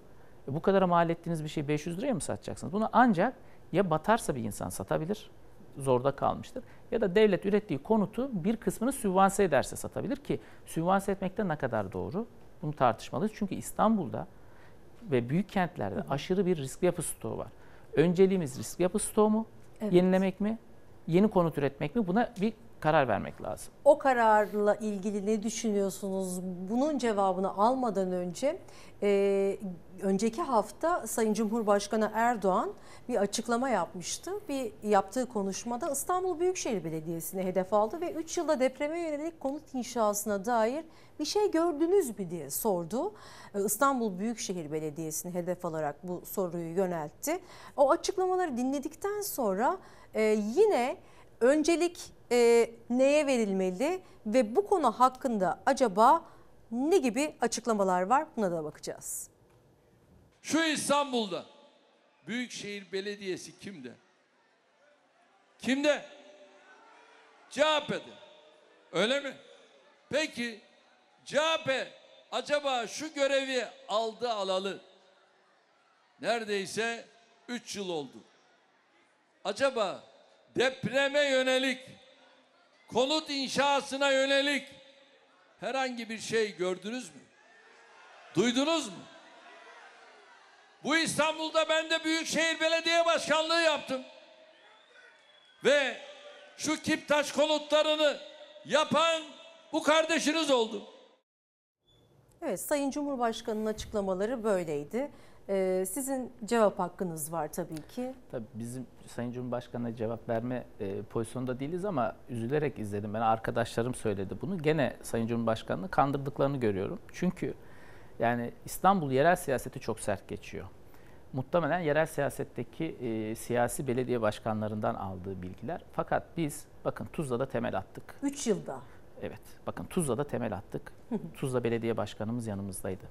Bağcılar'da temel attık. Bağcılar Belediye Başkanımız yanımızdaydı. Eyüp'te yanımızdaydı. Pendik'te temel attık. Belediye Başkanımız gelmedi ama polemikleriyle projeden haberdar temel attığımızı biliyor. Ve bunların hepsi de belediye başkanı. Cumhurbaşkanımıza niye yanlış bilgi veriyorlar da Kiptaş hiçbir şey üretmedi diyorlar. Biz bu dönemde, biz 3 yıldır görevdeyiz ama genel kurul süreçlerimizin geç tesirinden dolayı aslında şirketimizi 2 yıldır tam anlamıyla yönetiyoruz. 3 yılı baz aldığımızda bile 9 tane proje teslim ettik. 8689 tane bağımsız birim teslim ettik. 4606 yeni projenin temelini attık. Şu an aktif 12 proje, 5225 tane bağımsız birimi de aktif sahada yürütüyoruz. Bu yıkımları yapıyoruz. Daha başka yıkımlar mesela Bağcılar'da bir kentsel dönüşüm projesiydi. Bağcılar Belediye Başkanımıza e, teşekkür ettik. O bize teşekkür etti. 260 tane bağımsız birimi yıktık. Yenisini yapıyoruz. Bu arada yani bunları niye yapmıyor, hiçbir şey üretmiyor diye bir algı yaratıyorlar anlamıyorum. Bunun şöyle bir zararı var. Biz bunlar bizi motive ediyor ama sahada vatandaşlarımızla uzlaşırken e, bu manipülasyonlardan dolayı maalesef bir güven sorunu yaşıyorlar. Biz hep diyoruz depremle ilgili bir siyaset yapmayıp birbirimizi desteklesek. Ben şimdi burada 12 tane daire yıktım. Küçük, büyük. Bunu yıkan var mıydı önceden? Yoktu. Bu yapı 30 yıllık bir yapı ve riskli bir yapı. Kimse yüzüne bakmıyordu. Biz girdik bir çözüm üretiyoruz bunu bile eleştiriyorlar. Ya sonuçta kim riskli yapıyı tahliye ediyorsa bu dönemde önüne yatmak gerekiyor. Çünkü çok ciddi bir riskli yapı stoğundan bahsediyoruz. 300 bin yapı, milyonlarca insan. An itibariyle deprem olabilir. Bunu hocalarımız hep söylüyor. Maalesef. Her an olabilir. Yani böyle bir gündemde o çok yapmış, bu çok yapmış. O günün sonunda rakamlara bakarız. Kiptaş 25 yılda yıktığı yapı sayısı 1100 gibi bir rakam burada yazıyor. Biz sadece 2 yılda yıktığımız yapı sayısı 790. Ve yıl sonuna kadar veya önümüzdeki yıl başına kadar 1100 tane daha yıkacağız. Yani biz Kiptaş'ın 25 yılda dönüşümle ilgili yaptığı sayıdan daha fazla bir tahliye sayısına ulaşacağız. Yani bunu yarıştırmanın bir anlamı yok. Günün sonunda bunlar tartışılır. Ama sahada kurumları yıpratacak söylemlerden bence kaçınmak lazım. Çünkü biz de beğenirsiniz, beğenmezsiniz kendi çapımızda bir iş üretiyoruz. Ama ürettiğimiz her işte bir sosyal fayda var ve sıfır karlılık. Kesinlikle karlılığı ön planda tutmuyoruz. İstanbul yenileniyor bugün 39 ilçede 131 bin bağımsız birimden başvuru geldi. Şu haritayı göstermek istiyorum Evet izninizle. haritalarınızla geldiniz. Bakın bu çok organik bir veri. Buradaki oturan vatan, bu 470 bin insanımızı kapsıyor. Bu harita diyor ki insanlar biz riskli yapıda oturuyoruz, gelin bizi yenileyin. Çok organik bir veri ve ben buraya çözüm üretmeye çalışıyorum ekip arkadaşlarım ve diğer grup şirketlerimiz olarak. Mesela burada sarılar neyi ifade ediyor? Sarılar bu süreç 3 fazlı bir süreç. Başvuranlar ikinci fazla 3'te 2 çoğunluk, üçüncü fazla da sahada aktif çalıştığımız 20 farklı bölgede yaklaşık 18 bin insanımızı kapsıyor. Uzlaştık. Proje detaylarıyla ilgili bir süreç yönetiyoruz. Şimdi bu veriler organik. Biz diyoruz ki bakanlığa da veya başka kurumlara da gelin buna paydaş olun. Beraber yapalım. Bunu tek başına ne Kiptaş ne devlet tek başına elde altından kalkamaz. Ama bu verinin özelliği şu. Çok organik bir veri. Bunlar vatandaşın verisi. Diyor ki ben risk yapıda oturuyorum. Gel beni kurtar. Tabii ki ekonomik şartlardan bazılarına çözüm üretmekte zorlanıyoruz. Çünkü yapılar çok eski. Emekli kesim oturuyor. e, alt gelir grubu kesim oturuyor. Borçlanmakta vesairede zorlanıyor. Bunlara çözüm bulmamız gerekiyor. E, Bunlara da zaten sosyal devlet olmanın gerekliliği olduğunu düşünüyorum. Belki e, insanların barınma hakkını temel ihtiyaç olarak görüyorum. Çünkü barınma bir haktır. Ben böyle görüyorum ve buna da belki hükümetimizin e, el koyması gerekiyor diye düşünüyorum. Gerçekten ödeyemeyecek durumdaysa insanlar bu enflasyon oranında zaten yiyecek ekmek bulamıyorsa barınma konusunda da belki devletimiz elini taşın altına koyabilir diye düşünüyorum. Bu benim fikrim bu arada e, Sayın Do- Başkan. Doğru söylüyorsunuz. İstanbul'da en önemli şey riskli yapıların tahliyesidir. Büyük kentlerin en önemli sorunu budur. Yeni konut üretmek değildir bence. Ha kaynağımız yeterliyse yeni konut da üretelim ama önce riskli yapıları tahliye etmek. Asıl olan bu olmalı ki hayat kurtaralım. Evet, konut krizinin aslında e, kolay kolay çözülmeyeceğini anlıyorum. Bu mal enflasyonist ortamda zor. Bu arada e, açlık sınırıyla alakalı da bu hafta e, bazı e, durumlar söz konusuydu. Mesela e, TOKİ'nin yapacağı yeni müjde olarak e, Sayın Cumhurbaşkanı'nın duyurduğu TOKİ ile alakalı bazı muammalar vardı ortada. Malum artan konut fiyatları ve yüksek kiralara çözüm için hükümet yeni bir konut kampanyası açıklamaya hazırlanıyor ve dar gelirlilere yönelik kampanyanın bazı detaylarını Çevre ve Şehircilik Bakanı Murat Kurum paylaştı. Ve Murat Kurum'a göre hane geliri İstanbul'da 16 bin lira, diğer illerde ise 14 bin liranın altında olanlar başvurabilecek kampanyaya. Yani yoksulluk çıtası kuruma göre bu rakamlar ama e, bu açıklama yapıldığı e, dakikalarda Çalışma Bakanı Vedat Bilgin o sınırı 9 bin lira olarak açıklamıştı. Şimdi kim yoksul, kim bu e, TOKİ meselesinden yararlanabilecek? Bu da bir muamma. Haberde detayları izleyeceksiniz.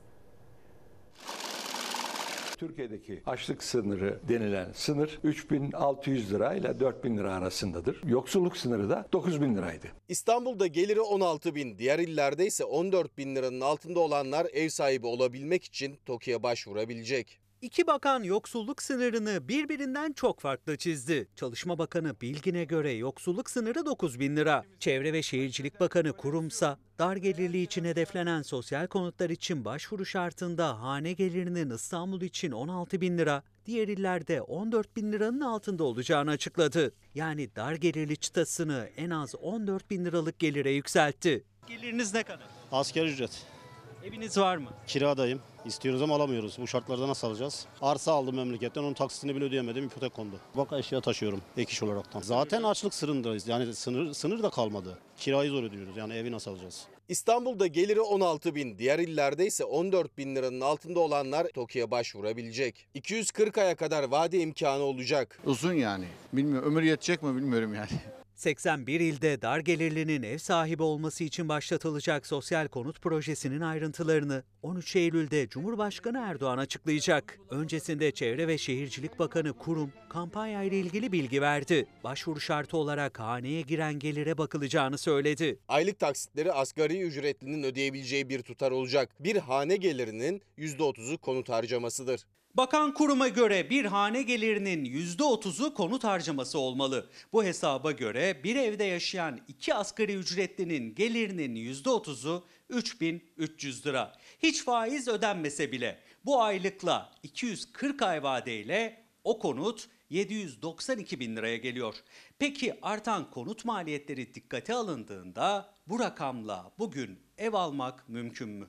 Asla mümkün değil çünkü çimentosundan işte inşaatın tüm maliyetlerine birçok kalemine kadar inanılmaz seviyede zamlar geldiği için bu rakamlar gerçekçi değil. Devlet de olsa bunun altından kalkmak çok güç görünüyor. Bunun üstüne faiz eklendiği zaman ya da ara ödemeler vesaire bu rakamlar çok daha katlanacaktır ne yazık ki. Yüksek kiralar dar gelirliği zorlarken gözler kampanyanın açıklanacak diğer detaylarında. Ancak kısa vadede konut sorununu çözecek gibi görünmüyor uzmanlara göre. Bir de şehrin hangi noktalarına yapılacağı. İnsanlar işte hem taksit hem kira öderken bir de yol parası mı verecek? Şehrin işte 4-5 vasıta değiştirip işine mi gelecek? Bunlar da çok önemli. Ne zaman teslim olacak? Ara ödeme olacak mı? Belli bir çerçeveye oturmuyor hesaplara bakınca. Sizin aylık geliriniz ne kadar? 3500. Emekliyim 3500. Onun dışında alabilir misiniz? Ev mi? Ekmeği zor alıyoruz. Bu haberden yola çıkarak sosyal konut projeleriyle konut krizini aşabilir miyiz diye sormak istiyorum. Bence aşılamaz. Bir de sosyal konut Türkiye'de bundan sonra yapılamaz diyorum. Sebebi de şu. Zaten şu rakamlar da aslında dediğimi teyit ediyor. 16 bin hane halkı geliri diyor İstanbul'da Sayın Bakan. Demek ki bu konutları metrekaresi 8-9 bin liradan mal edeceğini öngörüyorum ben. Verileri görmedim. Yorum yapıyorum sadece ki bu zaten bizdeki verileri de doğruluyor. 900 bin liraya mal ettiğiniz bir konutu arsa ve finans maliyeti hariç sosyal konut diye satabilir miyiz? Asgari ücret 5500 lira. Yani buna sosyal konut diyorsak tamam. Bence öncelik tekrar söylüyorum bu kaynaklar tabii ki imkan varsa sosyal konutta yapalım pozitif bir şeydir. Ama öncelikle riskli yapıların talihsiyle ilgili gerekli kaynakları kullanmak gerekiyor. Fazla konut üreterek konut krizi çözülemez. Çünkü ürettiğimiz ürünün maliyeti ortada. 10 liraya mal ettiğiniz bir şeyi 5 liraya satamazsınız. Bu maliyetlerin artışını durdurmadığımız sürece, alım gücünü arttırmadığımız sürece bu kriz çözülecek demek hayalci bir şey olur. Bir de ben son olarak e, eleştirilerin odağında olan bir soruyu yöneltmek istiyorum. E, sizin Hacı Bektaş'ta bir projeniz var. Evet. Ve e, Kiptaş niçin İstanbul'da bir proje içerisinde yer alıyor diye bir eleştiri söz konusu. Çünkü İstanbul Büyükşehir Belediyesi'nin en e, büyük şirketlerinden biri olan Kiptaş niçin İstanbul dışında proje yapıyor gibi eleştiriler söz konusu. E, hatta videosu da var bunun. Evet. O videoyu da paylaşmak istiyoruz sevgili izleyicilerimizle. E, videodan sonra da bu sorunun cevabını almak isterim. Hacı Bektaş Veli, işte Mevlana gibi, Yunus Emre gibi her hanede, her bölgede bu coğrafyada var. Hacı Bektaş Anadolu'nun çok önemli inanç ve kültür merkezlerinden birisi. Bir kentleşme modeli ortaya koyacağımız ama oradaki Anadolu'nun getirdiği o kadim kültürü de yansıtacak bir proje hayata geçirmek için ekip arkadaşlarımla çalışıyorum. Bu kadar kutsal bir mekan Anadolu kültüründe Alevilik Bektaşilikte çok özel bir değeri olan, önemli bir anlamı olan mihman kavramıyla ilgisi var. Özellikle dışarıdan gelen insanların burada e, mutlu olabilecekleri ve paylaşımcı, aynı zamanda tevazusu olan. Buraya gelecek insanlara hizmet etmek için oluşturulmuş bir konukseverlik, misafirperverlik projesi. Biz şimdi orada modern teknolojiyi de kullanıp geçmiş kültürde yansıtan bir proje koyarak orada inşallah şehirleşme adına bir imza atmak istiyoruz. O yüzden bizi çok heyecanlandırıyor. Evet, Kiptaş neden İstanbul dışında? Böyle bir e, sınırlandırma var mı? Neden eleştirilerin odağındasınız? Şimdi Kiptaş bir özel şirket, Türk Ticaret Kanunu'na tabi. Türkiye'nin her yerinde hatta dünyanın her yerinde iş yapabilir ki geçmişte de yapmış. Bakın Diyarbakır'da iş yapmış Kiptaş. Ha tamamlayamamış biz tamamlıyoruz eksiklerini ayrı bir konu. Rize'de Recep Tayyip Erdoğan Üniversitesi'nin müşavirliğini yapmış. Geçmişte de Kiptaş şehir dışında işler yapıyordu. Biz niye yapıyoruz bu dönemde? Buranın çok ciddi bir bilgi birikimi ve bir vizyonu var. Hacı Bektaş da çok önemli, manevi değerleri çok önemli.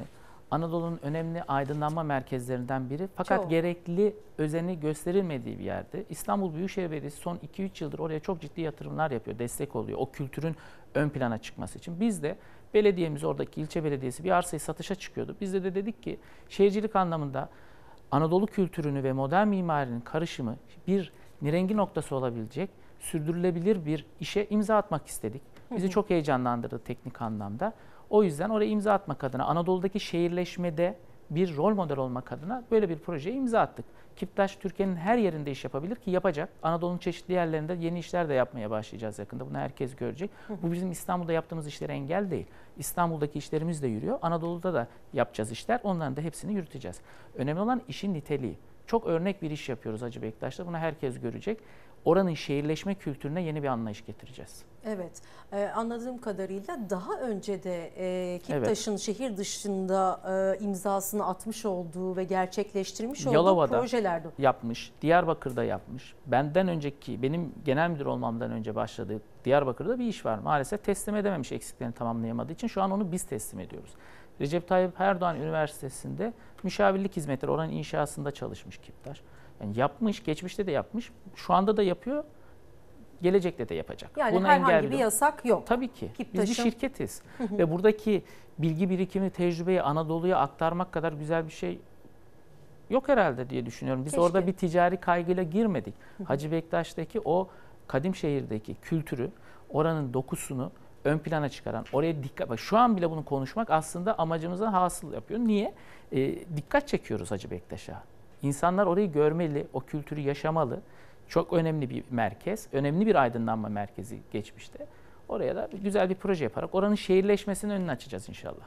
E, aslında işin özeti şu e, Sayın Başkan. E, en başta beklenen İstanbul Büyükşehir, e, İstanbul depremi gerçekleşmeden evvel bir an önce biz bu çürümüş konutlardan çıkıp can güvenliğimizi sağlamalıyız. Ve bunun için de kavgayı bırakıp e, bir an önce el ele vermek gerekirse el ele vermek. Ya da e, eğer birlikte yürüyeceğiz demiyorsa bile hükümet ve belediyeler en azından birbirlerinin işine taş koymak yerine e, herkesin yolunda ilerlemesini sağlamak bana kalırsa en doğrusu. Ben böyle düşünüyorum. Biz de böyle düşünüyoruz. Biz zaten bunları çok e, kulak kabartmıyoruz. Sadece sorulduğu zaman cevap veriyoruz. Yani işimizde ön plana çıkmak her zaman hedefimiz. Yeni dönemdeki en büyük vizyonumuz İstanbul'daki riskli yapıların yenilenmesi ve yaptığımız örnek işlerle rol model olmak. Çünkü biz kamu iştiraki bir şirketiz. Örnek olmak zorundayız. Bizim yaptığımız her iş o bölgede bir rengi olur. Herkes onu örnek almak zorunda kalacak. Peki son olarak çok fazla e, soru geldiği için e, nereden başvuru yapılıyordu? İstanbulyenileniyor.com sitesine riskli yapıda oturduğunu düşünen herkes başvurabilir. Eğer uzlaşırlarsa tekrar söylüyorum yenile, inşaat maliyetine tüm riskli yapıları yenilemeye talibiz. 10 dairede olsa, 100 dairede olsa, 1000 dairede olsa. Küçük büyük ayırtmıyoruz. Yeter ki uzlaşı olsun. Uzlaşın, gelin maliyetini yenileyelim diyoruz. Dileriz ki depremden önce, beklenen İstanbul depreminden önce bilim insanları çünkü bunun üzerine basa basa vurguluyorlar. Biz tüm binalarımızı yenilemiş olalım. Çok teşekkür Ben ediyoruz teşekkür ederim vermiş olduğunuz değerli için. bilgiler için. Zaman zaman yine danışmamız gerekecek Her galiba. zaman. İstatistiklerle araştırma yapıyorsunuz Evet, çünkü. evet. Çok teşekkürler, Teşekkürler, Sayın çok. Başkan. Şimdi üniversitelerimiz malum eğitim ve öğretim yılına başlıyorlar ve kayıtlar da başladı. Ama şehir dışında üniversite kazananlar için zorlu bir dönem. Çünkü KYK yurtları sınırlı. Ee, özel yurtların ve kiraların pahalılığı da ortada. Yüz binlerce öğrenci ne yapacak? Bunu bilmiyoruz ama manzara çok iyi değil. Ee, en azından bunu söyleyebiliriz efendim. Öğrenci sayısı bu sene 3 milyon 250 bin kişiydi. Vallahi bilemiyorum nasıl olacak yerleşim falan. Yine de çok zor görünüyor her şey yani. Yurt kapasitemiz 800 binin üstüne çıkmış bulunuyor. Cumhuriyet tarihinin en yüksek kapasitesi. Sayı olarak öyle olabilir ama öğrenci sayısına orana vurunca pek de öyle olmuyor. Karabük'te okuyorum ben. Nerede kalıyorsunuz? E, kirada evde kalıyorum. Hayatlarının en zor sınavını geçseler de daha zoruyla karşılaşıyor. İl dışında üniversite kazanan öğrenciler. Barınma sorunu en büyük dert. Gençlik ve Spor Bakanı'na göre yurt kapasitesi Cumhuriyet tarihinin en yüksek seviyesinde. Hatta Avrupa'nın bile ilerisinde. Örgün sistemdeki toplam öğrenci sayısı 3 milyon 800 bin. Yurt kapasitesi ne kadar? 700 bin KYK, 300 bin. Özel toplam 1 milyon civarında. Hesap ortada. Türkiye'nin gençlerini açıkta bırakan bir ülke gerçekten olamaz ya. İspanya öğrenci konaklama talebinin devlet olarak %6'sını. İngiltere %24'ünü.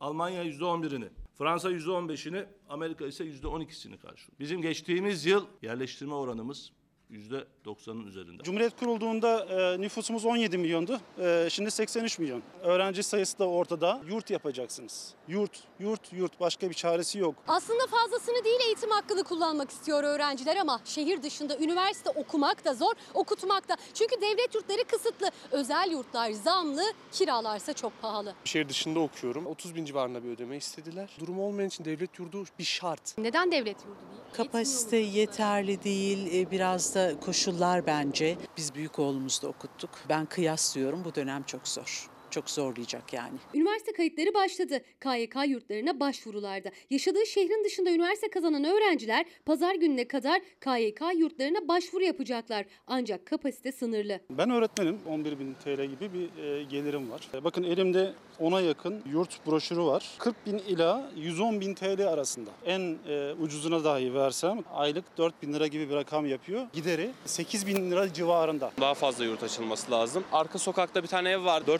mu 5 bine demişti şuradaki ev için. 100 öğrenciden 19'una devlet yurt verebiliyor. 81'ine başının çaresine bak diyor. Yurdu arttırmamış. Neden? Cemaatlere gidersiniz beyler. Ne işiniz var devletin yurdunda? Türk evlerin, TÜKVA'ların, vakıfların, derneklerin yurtları var. Oraya gidin. Muhalefet de iktidarın yurt politikası öğrencileri tarikat ve vakıf yurtlarına yönlendirme amaçlı diyor. Vakıf yurtlarına giden her öğrenci için devlet destek verirken özel yurtlara, ev kiralarına neden destek verilmiyor diye soruyor. Yandaş vakıfların yurtlarına öğrenci başına 800 lira verdiğiniz desteklemeyi özel yurtta kalan öğrenci ya da kirada kalan her bir öğrenci için de vermelisiniz. Çok büyük bir barınma sorunu var. Çok. Özel yurtların, apartların fiyatları çok yüksek. Üniversitelerin içinde bu e, yapılabilir. Üniversitelere yakın yerlerde yapılabilir. Biz bir yıl içinde Türkiye'de yurt sorunu çözmeyi hedefliyoruz. Birer, üçer kişilik odalar. Gençlik ve Spor Bakanı'na göre yurtlar yeterli ama öğrenciler, veliler dertli. CHP lideri de iktidar değişiminde bir yıl içinde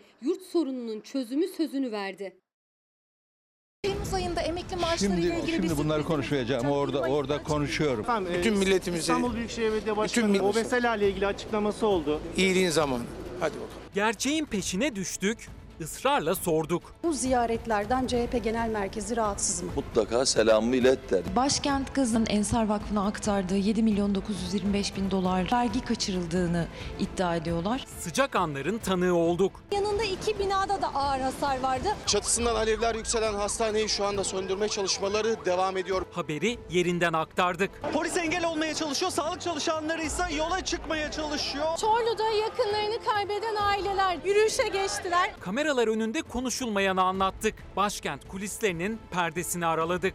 güçlendirilmiş parlamenter sistem hedefiyle yürüyoruz dediler. AYM kararıyla da meclisin kararı yok hükmünde sayılmıyor. Çocuğuna diyor yapacak. Bir tarla satıyor. Süt satışı da bitti. Gerçek çiftçi bu ülkenin köylüsü faydalanabiliyor.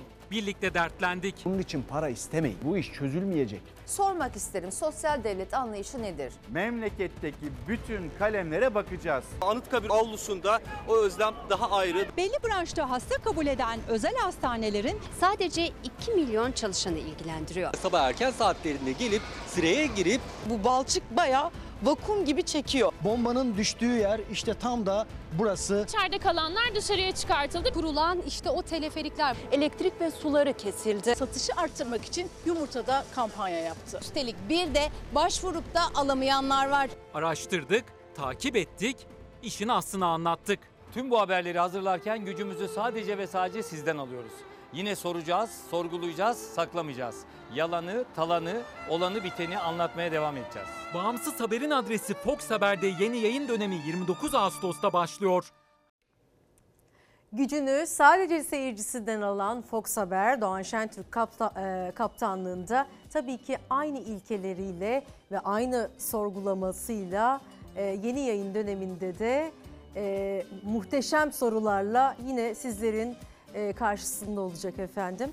E, şimdi kısa bir ara veriyoruz.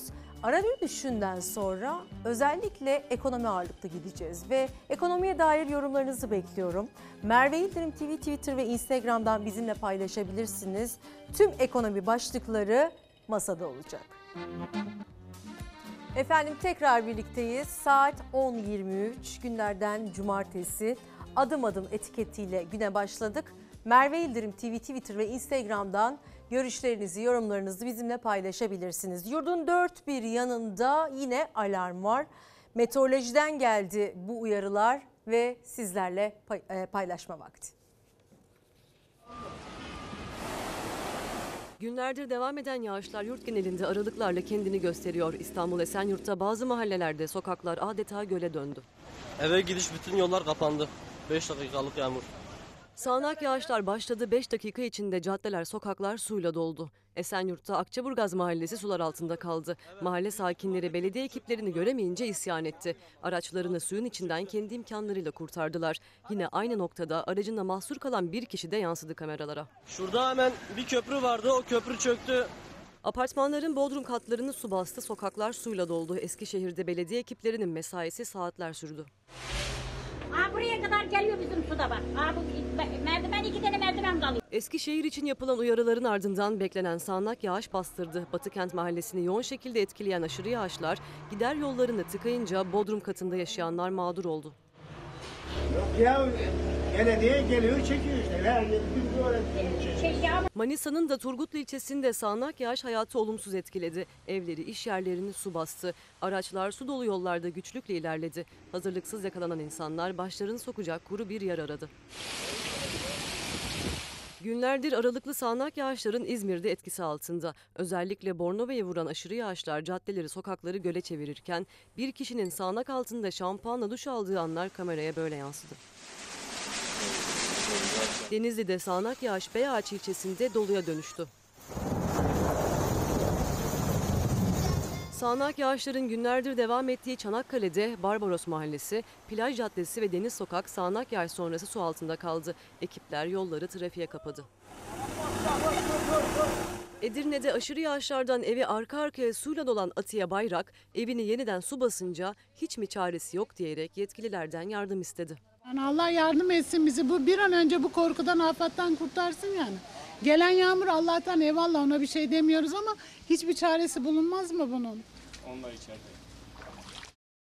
Çağ gazetesinden bir ekonomi detayı paylaşalım efendim. Kredi kartı borçları facia sinyali veriyor. Geçtiğimiz günlerde zaten kredi borçları ve kredi kartı borçlarıyla ilgili bir istatistik söz konusuydu. Bu da başka bir istatistik. Dar gelirinin can simidi olarak sarıldığı kredi kartları alev topuna dönüştü. Kredi kartı borcunu ödeyemediği için temerrüde düşerek hakkında yasal takip başlatılan kişi sayısı tam 4 milyonu aştı. Gidişat hiç iyi değil. 2022'nin ilk 5 ayında kredi kartı borcundan dolayı yasal takip başlatılan kişi sayısı 403 bin kişiyken Haziran'da bulunan 470 bin 990'a e, Haziran'da bunun 470 bin 990'a çıktığı belirtildi. E, ve yılın ilk 5 ayında yasal takibe girenlerin sayısı bir önceki yılın aynı dönemine göre yüzde 83 oranında arttı. Bu da aslında sorunun ciddiyetini gösteriyor. Bir yandan da acil önlem alınmalı diyor Tüketici Örgütleri Konfederasyonu Genel Başkanı Fuat Engin ve kredi kartı kullanımından kaynaklı sorunların her geçen gün artmakta olduğunu belirtiyor.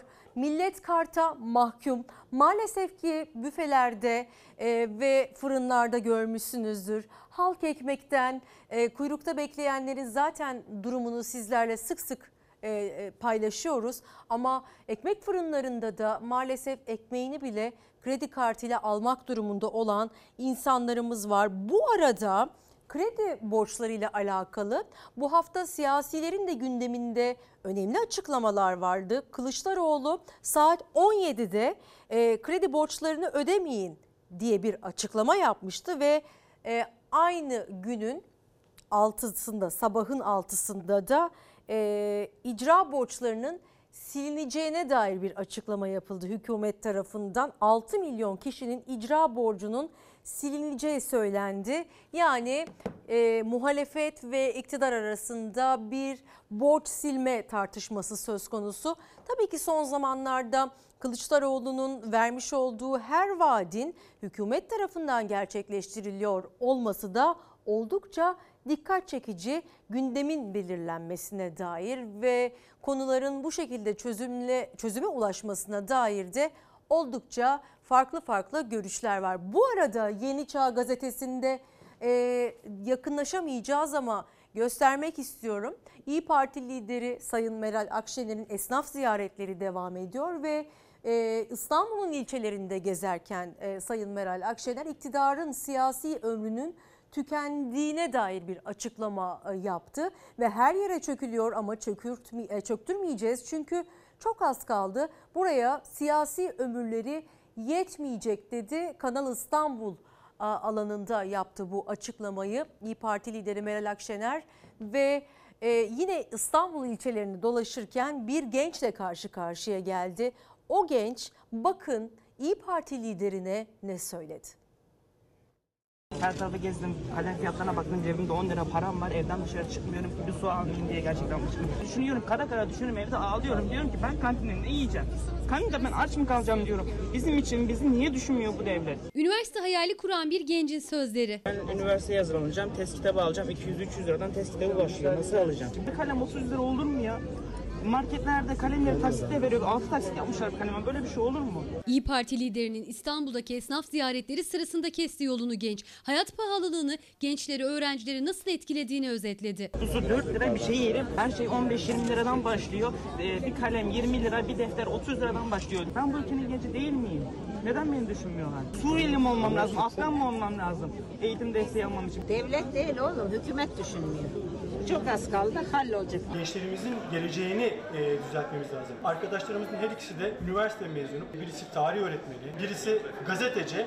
Ama şimdi baktığımız zaman bu dükkanda çalışıyorlar. Ne kadar oldu mezunu?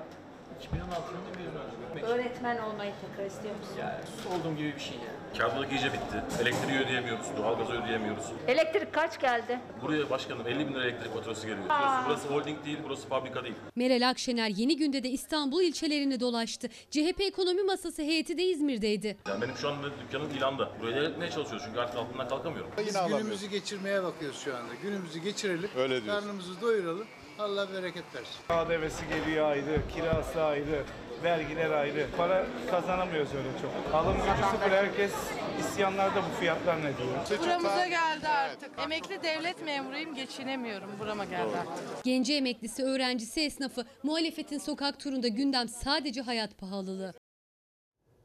Tabii öğrencilerin e, derdi sadece e, okumakla ilgili değil maalesef Türkiye'de. E, bir yandan üniversite kazandılarsa üniversite masraflarını, kitaplarını, kalemlerini karşılamak durumundalar. Şehir dışında okumak için gelecek olan öğrenciler için zor bir dönem başlıyor. Ev kiralarından tutun da ilkokuldan üniversiteye kadar e, defter, kitap, kalem masrafları bile hem aileler için hem de onlar için çok zorlayıcı. Ama bunun bir de sağlık boyutu var. Kırtasiye masraflarını yaparken bir de sağlık boyutunu da düşünmek gerekiyor. Güvensiz kırtasiye ürünlerini ihbar edin uyarısını görüyoruz 9 Tütün gazetesinde. Renkleri ve albenisiyle öğrencilerin eğitim hayatı boyunca severek kullandığı kırtasiye ve okul malzemeleri laboratuvarlarda çeşitli fiziksel ve kimyasal testlerden geçiriyor ve bakanlık merdiven altı ürünlerden uzak durun diye aileleri uyarıyor ve özellikle de bu kriz dönemlerinde tabii ki pek çok veli ve pek çok öğrenci ucuzunu almaya yöneldiği için o ucuz olan ürünlerin de sağlığa uygun olup olmadığı tartışılıyor son zamanlarda. Evrensel Gazetesi'nden de bir başka detay var. Onu da hemen sizlerle paylaşalım ve okul yolu cep yakıyor detayı. Aslında son zamanlarda en çok konuştuğumuz konu fiyatlar 4 kat arttı. Defterden kaleme, silgiden kalem açacağına kadar her şeyin fiyatı geçtiğimiz yıla göre en az 3-4 kat arttı. Esnafı artan fiyatlara dikkat çekiyor esnaf, kırtasiye esnafı ve nasıl satacağız diye sorarken bazı veliler kitap almak yerine daha ucuz olduğu için fotokopi çektirmek zorunda kaldıklarını söylüyor. CHP Adana Milletvekili Ayhan Barut geçtiğimiz yıl 18 lira olan fotokopi ka- kağıdının 90 liraya çıktığını belirterek aslında bu da ham maddedeki maliyetlerden tutun da tüketicinin kullandığı tüm ürünlerin ne kadar zamlandığını, faiz zamlara ulaştığını, faiz oranlara ulaştığını gösteren bir başka istatistik. Tabii ki sağlıkta da alarm var. Maalesef şimdi sırada ah, e, KDV sıfırlansın önerisi var. Kırtasiye ürünleriyle alakalı bir öneri söz konusu. En azından bu maliyeti düşürebilmek adına bu öneriyle belki eğitim ve öğretim yılına çare olunabilir bir nebze de olsa. Geçen sene e, 90 sayfalık bir defter 15 liraydı. Şu an sordum 45 lira. Biz geçen seneki eski şeylerini kullanacağız. Asgari tutacağız malzemeleri. Artan fiyatlar nedeniyle veliler kara kara düşünüyor çocuklarının okul çantasını nasıl dolduracağını. Defter, kitap, kalem, çanta hepsinin fiyatı katlandı. Hem esnaf satış yapabilsin hem de veliler rahat alışveriş yapsın diye TESK'ten kırtasiye ürünlerinde KDV'yi sıfırlayın çağrısı geldi. Çocukların tabii burada alacakları defter, silgi, kalem vesaire. Bunlar da bir kere KDV oranı e, sıfırlanmalı. Vatandaşımız biraz rahat etsin. Bu çağrı çok olumlu çünkü okul kırtasiye dediğiniz zaman çocuklarımızı aileleri birinci dereceden ilgilendiriyor. Yüzde e, sıfır tabii iste- istiyoruz ama hiç olmazsa sembolik olarak yüzde bir olabilir. 12 Eylül'de açılıyor okullar. Öğrenci ve velilerin alışveriş telaşı başladı. Ancak fiyatlar cep yakıyor. Kurşun kalem geçen sene 2 liraydı şu anda 6 lira. 8 liralık bir defter şu anda 25 lira. Geçen sene 25 liraya satılan bir A4 kağıdı şu anda 99 lira. Çanta 200-250 lira kağıtta 700-800 lira. Dövizin etkisiyle dışa bağımlı ham madde artışı fiyatları yükseltti. Tabii bir de vergi var. Bazı kırtasiye ürünlerinde KDV %8, bazılarında ise %18. Birinci sınıfa başlayacak bir öğrencinin okul çantası geçen yıl ortalama 500 liraya dolarken artan fiyatlarla birlikte bugün bu rakam 1000 liranın üzerine çıktı. Eğer okul kırtasiye ürünlerinde KDV indirimine gidilirse ya da hiç KDV alınmazsa bu veliler için 1000 liralık okul harcamasında 80 liralık bir indirim anlamına geliyor. Vergisi de daha da düşürmesi lazım. Biraz devletin de el atması lazım azıcık da. Çanta aldım, okul çantası. Ee, geçen sene 250 liraya aldığım çanta bu sene 500 lira. Hadi benim tek çocuğum var ama 3-4 çocuklu aileler var. Ne kadar indirim olursa o kadar bütçeye yansır tabii. İndirirlerse en azından e, halka yansır. Halk rahatlıkla alabilir. Vergi indirimini hem veliler hem de kırtasiyeciler destekliyor. Ama bunun da yetmeyeceğinin farkındalar. Kirayı ödemekte zorlanmak var, stopaj ödemekte zorlanmak var. Kambur kambur üstüne yani biz esnaflar için. Elimden gelse kapatırım. Bugün kapatırım ama öyle bir sarmanın içindeyiz ki öyle bir şansımız da yok. Ödemeler var, borçlar var. Çarpıcı bir açıklama, bir haber paylaşacağız şimdi. Yeni Asya gazetesinde dünyanın en düşük refaha sahip ikinci ülkesiyiz. Ne yazık ki Global Refah Endeksinde yer aldık. Londra merkezli düşünce kuruluşu Legatum Enstitüsü'nün her yıl yayınladığı Global Refah Endeksinde Türkiye en alttan ikinci sıraya düştü ve iç savaş ve ekonomik kriz yaşayan ülkeleri de geçmiş durumdayız. 2011'de bugüne kadar her yıl düşüş yaşayan Türkiye listenin düşük refahlı ülkelerini belirten sarı bölgesine gelirledi.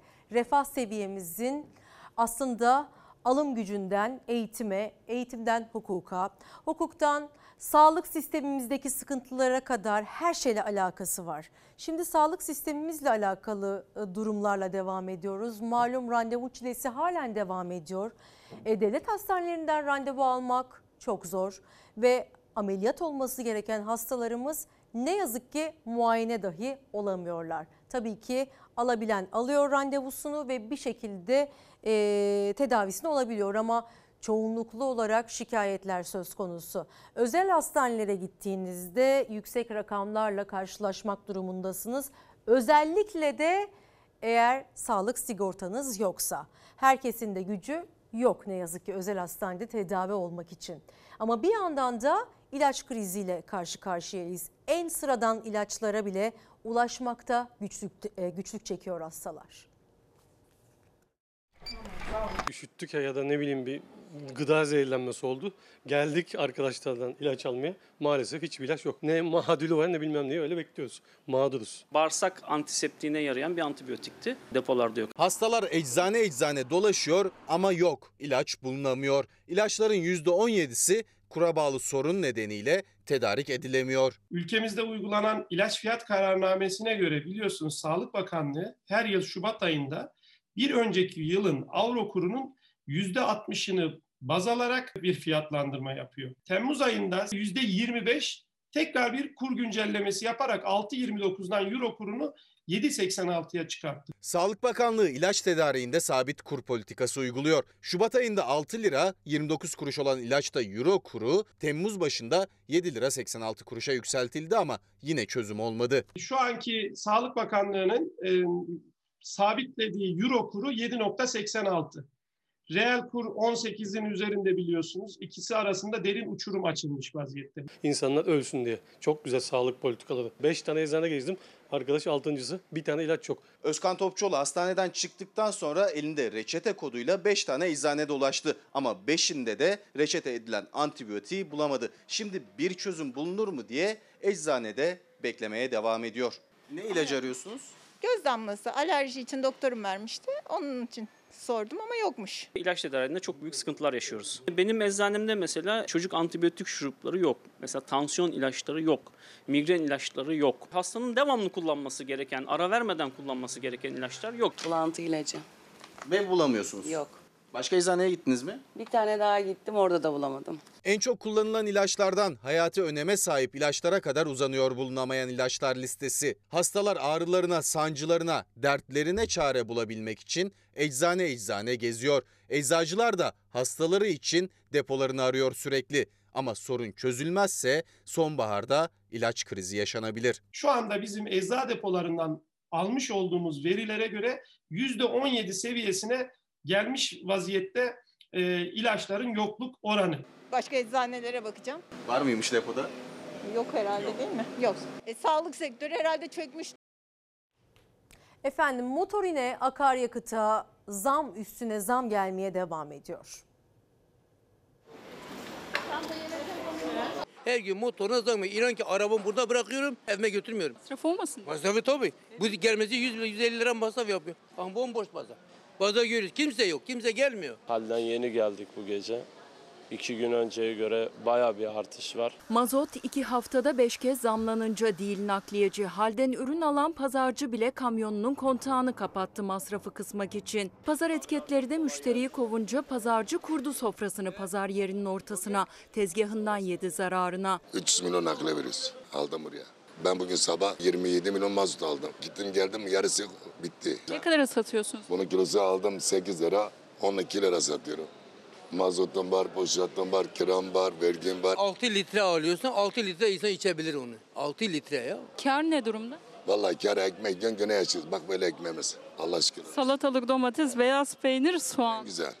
Bu Cumhurbaşkanı sırasında bile yok. Motorin iki haftada 5. zammını gördü. 11 Ağustos'ta 82 kuruşla başladı yağmuru. 15 günde 4 lira 48 kuruş arttı litre fiyatı motorinin. Son zamla birlikte 27 liraya dayandı. Motorin ise mazot yani üretimin nakliyenin ulaşımın yakıtı. Yakıttaki bu zam yağmuru tarlada, pazarda, iş ve okul yolunda ulaşımda zam fırtınasına dönüşüyor. Fasulyeyi ben halden aldım 13 lira. Çuval da aldım. Çuvaldan 7 lira pa- para kesinti yapıyor. Şu an 14 liraya oturmuş. 15 lira 50 kilo satıyor. 50 lira bana kalıyor.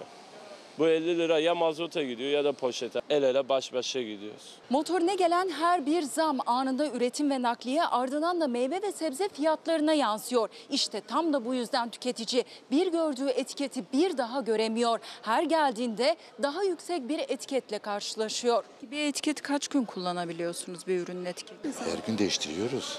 Aşağı yönlü mü yukarı yönlü mü? Yukarıya. Çünkü niye? Nakliye pahalı. Etiket hiç belli değil. Yani kalmadı ki etiket. Yeşil fasulye geçen hafta 10 liraya satıyorduk. Bugün 15 liraya satıyorduk. Biber mesela 10 liraya satıyorduk. 15 lira. Domates geçen hafta 6 lira 5 liraya satıyorduk. 8 liraya katlandı. Siz satan taraf değil de bu ürünleri alan taraf olsanız siz bunları alabilir misiniz? Alamam. Hayatta alamam. 100 yıl orada kalsa yüzüne bakma. Çünkü gücüm yetmiyor. Evimi geçindireyim, domates mi alayım, zebzesini mi alayım, meyvesini mi alayım, hangisini gücüm yetiyor ki? İşte motorin zammının etkisi. Pazarcı bile kendini tezgahın diğer tarafında düşünemiyor. Her gün kendi eliyle yazdığı meyve sebze etiketleri onun da cebini yakıyor. İETT Genel Müdürü de arka arkaya gelen zamlara tepki gösterdi. Son 15 günde 4,5 liralık artışın sadece İstanbul ulaşımında yıllık 1 milyar zarar demek olduğunu açıkladı. Oylum Aytemiz diyor ki adım adım uçuruma sürükleniyoruz. Festivallerin iptali, sanata ve sanatçıya düşmanlık, öğrencilerin tarikat ve vakıf yurtlarına mecbur bırakılması hepsi planlı ve programlı. Ama biz ne tarikat yurdunda intihar eden öğrenciyi ne de Ensar Vakfı'ndaki durumu unutmadık diyor. Bir başka izleyicimiz Ayfer Hanım. Küçük esnafın Bağkur ödemeleri maalesef belini bükmüş durumda. Lütfen bunu gündemde tutun diyor Ayfer Hanım. Evet Bağkur ödemeleri, vergi borçları ve sabit giderlerini ödemekte çok ama çok güçlük yaşıyor esnafımız ve pek çok iş yeri de ne yazık ki kapanmak üzere. Çoğu zaten kapandı. Çoğu derken istatistikler gösteriyor ki çokça oranda e, işletme ve e, mağaza sahibi ve esnaf dükkanını, ekmek teknesini kapatmak durumunda kaldı. Bir yandan da büyük işletmeciler ve sanayiciler e, cephesinden baktığımızda onların da büyük sıkıntıları var. Uzun süredir malum iş dünyası kredilere ulaşmakta zorluklarla mücadele ediyor. Yüksek faizlere dikkat çekmeye çalışıyorlar. Son çıkış Elazığ Organize Sanayi Bölgesi Yönetim Kurulu Başkanı Suat Öztürk'ten geldi ve Merkez Bankası'nın faiz indiriminin piyasaya etki etmediğini söyledi. Politika faizi olan %13 piyasada uygulanmıyor. Piyasadaki faizler 30 ila 40 aralığında dedi. Banka faizlerine baktığınız zaman Merkez Bankası 13'e düşürdü. Bu %13'ü kime uygulanıyor? Merkez Bankası politika faizi %13'e indi ama ne bireysel ne de ticari kredilerde bu oranda kredi bulunamıyor. Hatta faiz oranları aksine yükseliyor. Elazığ Organize Sanayi Bölgesi Başkanı Suat Öztürk de kamu ve özel bankaların faiz oranlarını hatırlatarak Merkez Bankası'nın %13'lük faiz oranı kime uygulanıyor diye sordu. Piyasa reel fiyatlarına baktığınız zaman şu anda %32, %34 ile %40 arasında faizler var. Esnaf, tüccar, sanayici bu faizlerle nasıl altından çıkacak? Hiçbir banka %40 ile faizle para veremez. Alma abi, alma. Almıyoruz ama Alma. almak zorunda kalıyoruz. Merkez Bankası Başkanı Kavcıoğlu piyasa faizlerinin yüksekliğinden yakınan iş dünyasına yüksek faizli kredi almayın yanıtını verdi. Ama bireysel müşteri gibi esnaf da üretimi sürdürmek zorunda olan iş dünyası da kredilere erişememekten erişse de yüksek faizden yakınıyor. Bankalardan talep ettikleri kredileri alamıyorlar. Alabilen ise çok yüksek faizlerle uygulandığını görülmektedir. Banka kredileri konusunda yaşanan sıkıntıların kaynağı finans kesip ile reel sektör arasındaki geçici bir yaklaşım farklılığıdır. Cumhurbaşkanı Erdoğan daha birkaç gün önce kurdu bu cümleyi ama bankalar bireysel kredilerde %20-24, ticari kredilerde %35-40 aralığında faiz uygulamaya devam ediyor. Hatta Merkez Bankası'nın ticari kredilerde faiz oranlarını indirmek için getirdiği üst sınır hamlesi sonrası oranlar düşmedi. %13'ü kime uygulanıyor? Bankalar arası alınan gecelik faizlerden mi uygulanıyor? Transferlerden mi uygulanıyor? Piyasa realitesine baktığınız zaman. Bugün kamu bankaların bile faizleri %25, %30'larda. Özel bankalar %40'lara kadar çıktı. Yani bunu sanayiciye ürettiği ürüne maliyetler geliyor. Son çıkış Elazığ Organize Sanayi Bölgesi Başkanı'ndan geldi. Krediye erişimdeki zorla yüksek faize dikkat çekti. Sanayicinin üretimde zorlanmasına, üretse bile maliyetlerin artmasına. İnsanlar zaten zor ayakta dururken çeşitli vesilelerle bazı hatalı işlemlerin veya hatalı kararların alınması insanların mağduriyetlerin alanı genişliyor. Bir de vergi dilimleri meselesi var. Ee, memur senden sonra işçi cephesinden Türk İş ve Hak İş'te hükümete vergi dilimlerinin yükseltilmesi için ses e, sesini duyurmaya çalıştı. Zaten yıllardan beri vergi uzmanı Ozan Bingöl bunun düzenlenmesi için mücadele veriyor ve burada bir adaletsizlik olduğunu vurguluyor. Ama e, çeşitli sendikalardan farklı farklı görüşleri olan sendikaların da söz e, ses yükseltmesi artık bu konunun da e, bu konuda da bıçağın kemiğe dayandığını gösteriyor. Arada alınan enflasyon farkı da yüksek olunca iyice altında kaldı ve vatandaşın alım gücü vergilemeden kaynaklı harcanabilir geliri azaldı. Jean Baptiste Colbert'in bir sözü vardır. Vergileme sanatı kümesteki kazları bağırtmadan tüy yolma sanatıdır. Tamamen kümesteki kazlar üzerinden ilerleyen bir vergi sistemi var şu an. Aylık 8 bin lira brüt ücreti olan bir işçinin geliri kesintiler nedeniyle Ocak ayında net 6395 liraya düşüyor. Aynı çalışanın ücreti asgari ücret kaynaklı vergi istisnası artmasına rağmen 6052 liraya geriliyor. Yani bu çalışan yıl sonuna geldiğinde aylık 1948 lira vergi ve SGK kesintisi ödüyor. Bu da ücretinin yaklaşık dörtte birine karşılık geliyor. Çalışan 4 kazanıyor, biri vergiye gidiyor. Tespit Türk İş Başkanı'ndan. Oysa vergi dilimi tarifesi en az enflasyon farkı kadar yükseltilip güncellenseydi tablo farklı olacaktı. Maaşlar eksilmeyecekti. Türk İş, Hak İş 2 ay gecikmeyle Hazine ve Maliye Bakanlığı'na yazı gönderirken tepkileri de üzerine çekti. Bazıları meclis kapalıyken ses yükseltiyor. O da çok enteresan. Yani meclis kapanmadan önce ses yükseltip bunun düzenleme yapılması için kamuoyu baskısı oluşturması gerekirdi. Brüt 10 bin lira alan çalışanın ücretine Temmuz ayında %42,35 enflasyon zammı uygulanması halinde net ücretine yansıyan oran %34,3'tür. %8,1'lik artış işçiye yansımamış gelir vergisi kesintisi olarak uygulanmış olacaktır. Türk İş vergi dilimi tarifesi mağduriyetini 8 bin, Hak İş 10 bin liralık brüt maaşı üzerinden hesapladı. Her iki hesapta da memurun gelir vergisi kaybı %8.1 oluyor. Vergi uzmanı Ozan Bingöl de sendikaların enflasyon farkı kadar vergi dilimleri artırılmalı taleplerinin maaşlardaki etkisini hesapladı. Şimdi bürüt 10 bin lira maaş alan bekar bir vatandaş gelir vergisi tarifesi güncellenmediği için şimdi 8. ayda %27'lik dilime girecek. En azından enflasyon enflasyon farkı kadar güncellenseydi 11. ayda %27'lik dilime girecekti. Vatandaşın cebinde 2000 lira kalacaktı şimdi. 2022 yılı ücretlerindeki gelir vergisi dilim miktarlarının gözden geçirilerek 1 Temmuz tarihinden geçerli olmak üzere 6 aylık enflasyon farkı oranında artırılmasını talep ediyoruz. Temmuz'da verilen enflasyon farkı aydan aya çalışanın maaşından vergi kesintisi olarak eriyecek ve daha geliri ele geçmeden tekrar devletin hazinesine girecek. Şayet bu brüt maaş 15 bin 20 bin olursa vergi tarifesi gelir vergisi dilimleri güncellenmediğinden dolayı daha fazla ödeyeceği vergi yine daha fazla olacaktır. Bu yapılan iş işçinin, emekçinin, memurun lokmasından almak. Çalışanlar da temsilcileri de daha adil bir vergi dilimi hesaplamasının yapılmasını istiyor.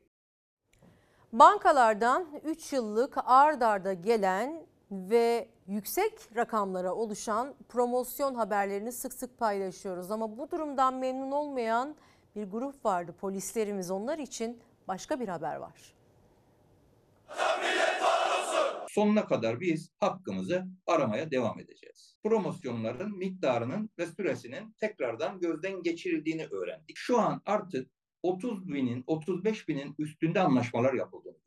1500 çalışanlı kurumlar yaklaşık 40 bin liralık promosyon anlaşması yaparken 330 bin kişilik polis teşkilatı için 10.800 liraya imza atılmıştı. Üstelik peşinde değil. Her ay 300'er lira olarak maaşa yansıtılacaktı. Fox Haber'in duyurduğu polisin sesine karşılık geldi. Emniyet Genel Müdürlüğü Kamu Bankası ile bir kez daha masaya oturdu. Şimdi bize gelen son bilgilere göre 5 yıllık 18 bin liraya anlaşmıştık ya sizinle. Evet o parayı size peşin verelim demiş. Şimdi bu da yine aynı 300'e geliyor. Emniyet Genel Müdürlüğü buna sıcak bakmıyormuş. Bütün kurumlar 3 yıllık anlaşma yaparken Emniyet Genel Müdürlüğü 5 yıl için masaya oturdu Kamu Bankası'yla. Maaş müşterisi olma anlaşmasıyla bankalar maaş hesabı başına promosyon veriyor. Enflasyonun giderek yükselmesiyle bankaların da garanti müşteri kapsamında sıcak para ihtiyacının artmasıyla promosyonlarda el yükseltildi.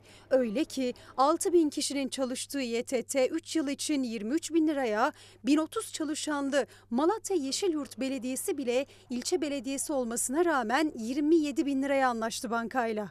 Rekor anlaşmaysa Anadolu Üniversitesi'nden geldi. En son Anadolu Üniversitesi 41.500 liraya anlaşma yapmıştı. 1500 çalışana 41.500 lira promosyon verilecek ama emniyet teşkilatının canı pahasına görev yapan polis memurları için yapılan anlaşma son dönemdeki en düşük anlaşma.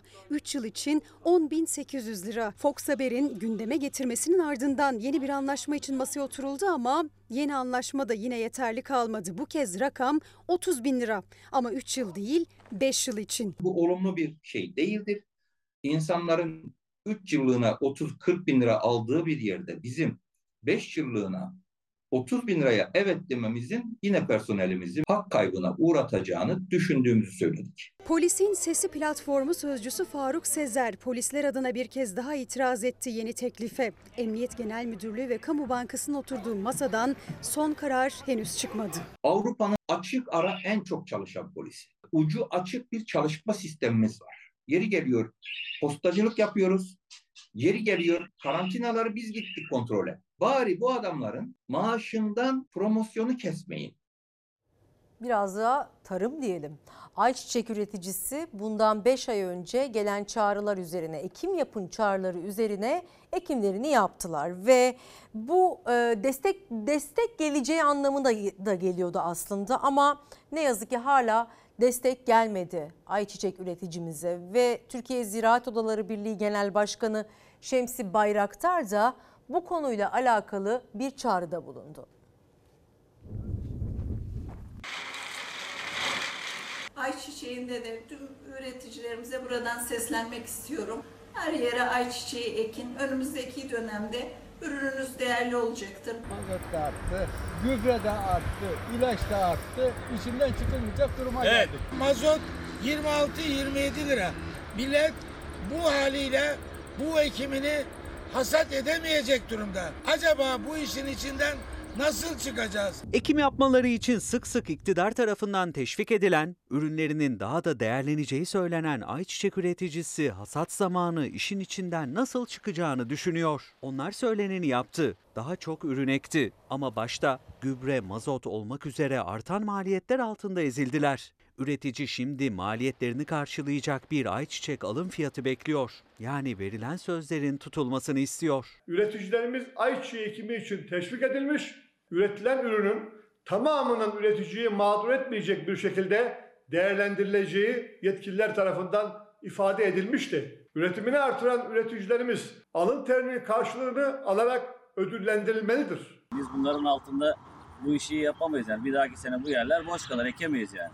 Yani buna iyi bir fiyat verilmesini istiyoruz yani. Bu ürünleri yetiştirmek kolay değil. Gördüğünüz gibi bunların hepsi maliyet. Kullandığımız gübreler gerçekten çok maliyetli gübreler. Ayçiçeği fiyatlarının 14-15 lira civarlarında bir rakam beklentisi var. Üretim maliyetleri ortadayken söz verildiği gibi alım fiyatının da bu yıl daha yüksek olmasını bekliyor üretici. Geçen yıl alım fiyatı ton başına 6500 liraydı. Bu sene üretici en az 16 bin lira fiyat bekliyor. Bunun altında açıklanan her fiyat onlar için zarar demek. Çünkü sadece mazota bir yılda %269 zam geldi. Bir başka önemli maliyet kalemi de gübre. Bir yılda ortalama %300 zam geldi. Geçen yıl 180 lira olan DAP gübresi bu yıl 700 lira, 650 lira. Türkiye Ziraat Odaları Birliği Genel Başkanı Şemsi Bayraktar, yüksek fiyat talebini bir adım öteye taşıdı. Ayçiçeğinin devlet müdahale alımı kapsamına alınmasını talep etti. Ayçiçeği fiyatları üreticinin yeterli gelir elde edeceği seviyede tutulmalıdır. Ayçiçeği Toprak Mahsulleri Ofisi vasıtasıyla devlet müdahale alımı kapsamına alınmalıdır. Lütfen ne olur bir karış bile boş yer bırakmayın. AK Parti Edirne Milletvekili Fatma Aksal, Trakyalı çiftçiye böyle seslenmişti. CHP Edirne Milletvekili Okan Gaytancıoğlu, alım fiyatı ile birlikte desteğinde hemen yükseltilmesi gerektiğini açıkladı. Yeniden üretebilmek için. 1 kilogram ayçiçeğine 50 kuruş destek var. Destek süratle en az 2 liraya çıkmalı. En az 16 lira fiyat verilmeli. Üreticinin beklentisi de bu doğrultuda. Evet. Taban fiyatla gelecek yılın ürününü yetiştirecek. Acaba bu işin içinden nasıl çıkacağız? Temmuz ayında emekli maaşları ile Şimdi, ilgili bir şimdi bunları konuşmayacağım. Orada orada konuşuyorum. Bütün milletimizi, İstanbul Büyükşehir Belediye Başkanı'nın o meseleyle ilgili açıklaması oldu. İyiliğin zamanı. Hadi bakalım. Gerçeğin peşine düştük, ısrarla sorduk. Bu ziyaretlerden CHP Genel Merkezi rahatsız mı? Mutlaka selamımı ilet der. Başkent Kızı'nın Ensar Vakfı'na aktardığı 7 milyon 925 bin dolar vergi kaçırıldığını iddia ediyorlar. Sıcak anların tanığı olduk. Yanında iki binada da ağır hasar vardı. Çatısından alevler yükselen hastaneyi şu anda söndürme çalışmaları devam ediyor. Haberi yerinden aktardık. Polis engel olmaya çalışıyor, sağlık çalışanları ise yola çıkmaya çalışıyor. Çorlu'da yakınlarını kaybeden aileler yürüyüşe geçtiler. Kameralar önünde konuşulmayanı anlattık. Başkent kulislerinin perdesini araladık. güçlendirilmiş parlamenter sistem hedefiyle yürüyoruz dediler. AYM kararıyla da meclisin kararı yok hükmünde sayılmıyor. Çocuğuna bir diyor yapacak. Bir tarla satıyor. Süt satışı da bitti. Gerçek çiftçi bu ülkenin köylüsü faydalanabiliyor. Birlikte dertlendik. Bunun için para istemeyin. Bu iş çözülmeyecek. Sormak isterim sosyal devlet anlayışı nedir? Memleketteki bütün kalemlere bakacağız. Anıtkabir avlusunda o özlem daha ayrı. Belli branşta hasta kabul eden özel hastanelerin sadece 2 milyon çalışanı ilgilendiriyor. Sabah erken saatlerinde gelip sıraya girip Bu balçık bayağı vakum gibi çekiyor. Bombanın düştüğü yer işte tam da burası. İçeride kalanlar dışarıya çıkartıldı. Kurulan işte o teleferikler. Elektrik ve suları kesildi. Satışı arttırmak için yumurtada kampanya yaptı. Üstelik bir de başvurup da alamayanlar var. Araştırdık, takip ettik, işin aslını anlattık. Tüm bu haberleri hazırlarken gücümüzü sadece ve sadece sizden alıyoruz. Yine soracağız, sorgulayacağız, saklamayacağız. Yalanı, talanı, olanı biteni anlatmaya devam edeceğiz. Bağımsız haberin adresi Fox Haber'de yeni yayın dönemi 29 Ağustos'ta başlıyor. 30 Ağustos haftasındayız efendim. Büyük Taarruz'un 100. yılındayız.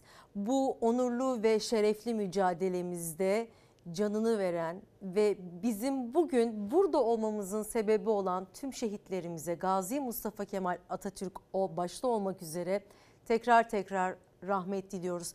Farklı zamanlarda hayatını kaybeden ve aramızdan ayrılan tüm şehitlerimize Allah'tan rahmet diliyoruz. Gazilerimize saygılarımızı iletiyoruz. Şimdi atamızın fotoğraflarımız e, fotoğraflarıyla hazırladığımız özel bir klip izleyeceksiniz. Bu arada 30 Ağustos Zafer Bayramımıza istinaden Fox Haber'in en tecrübeli muhabirlerinden Nazlı Yere Basmaz özel bir belgesel hazırladı. Ee, YouTube kanalımızda.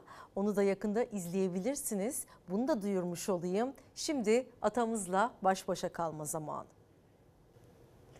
Efendim yarın sabah tekrar görüşmek ümidiyle kendinize iyi bakın. Sevgi ve saygıyla kalın. Diliyorum ki güzel haberler getirsin günümüz.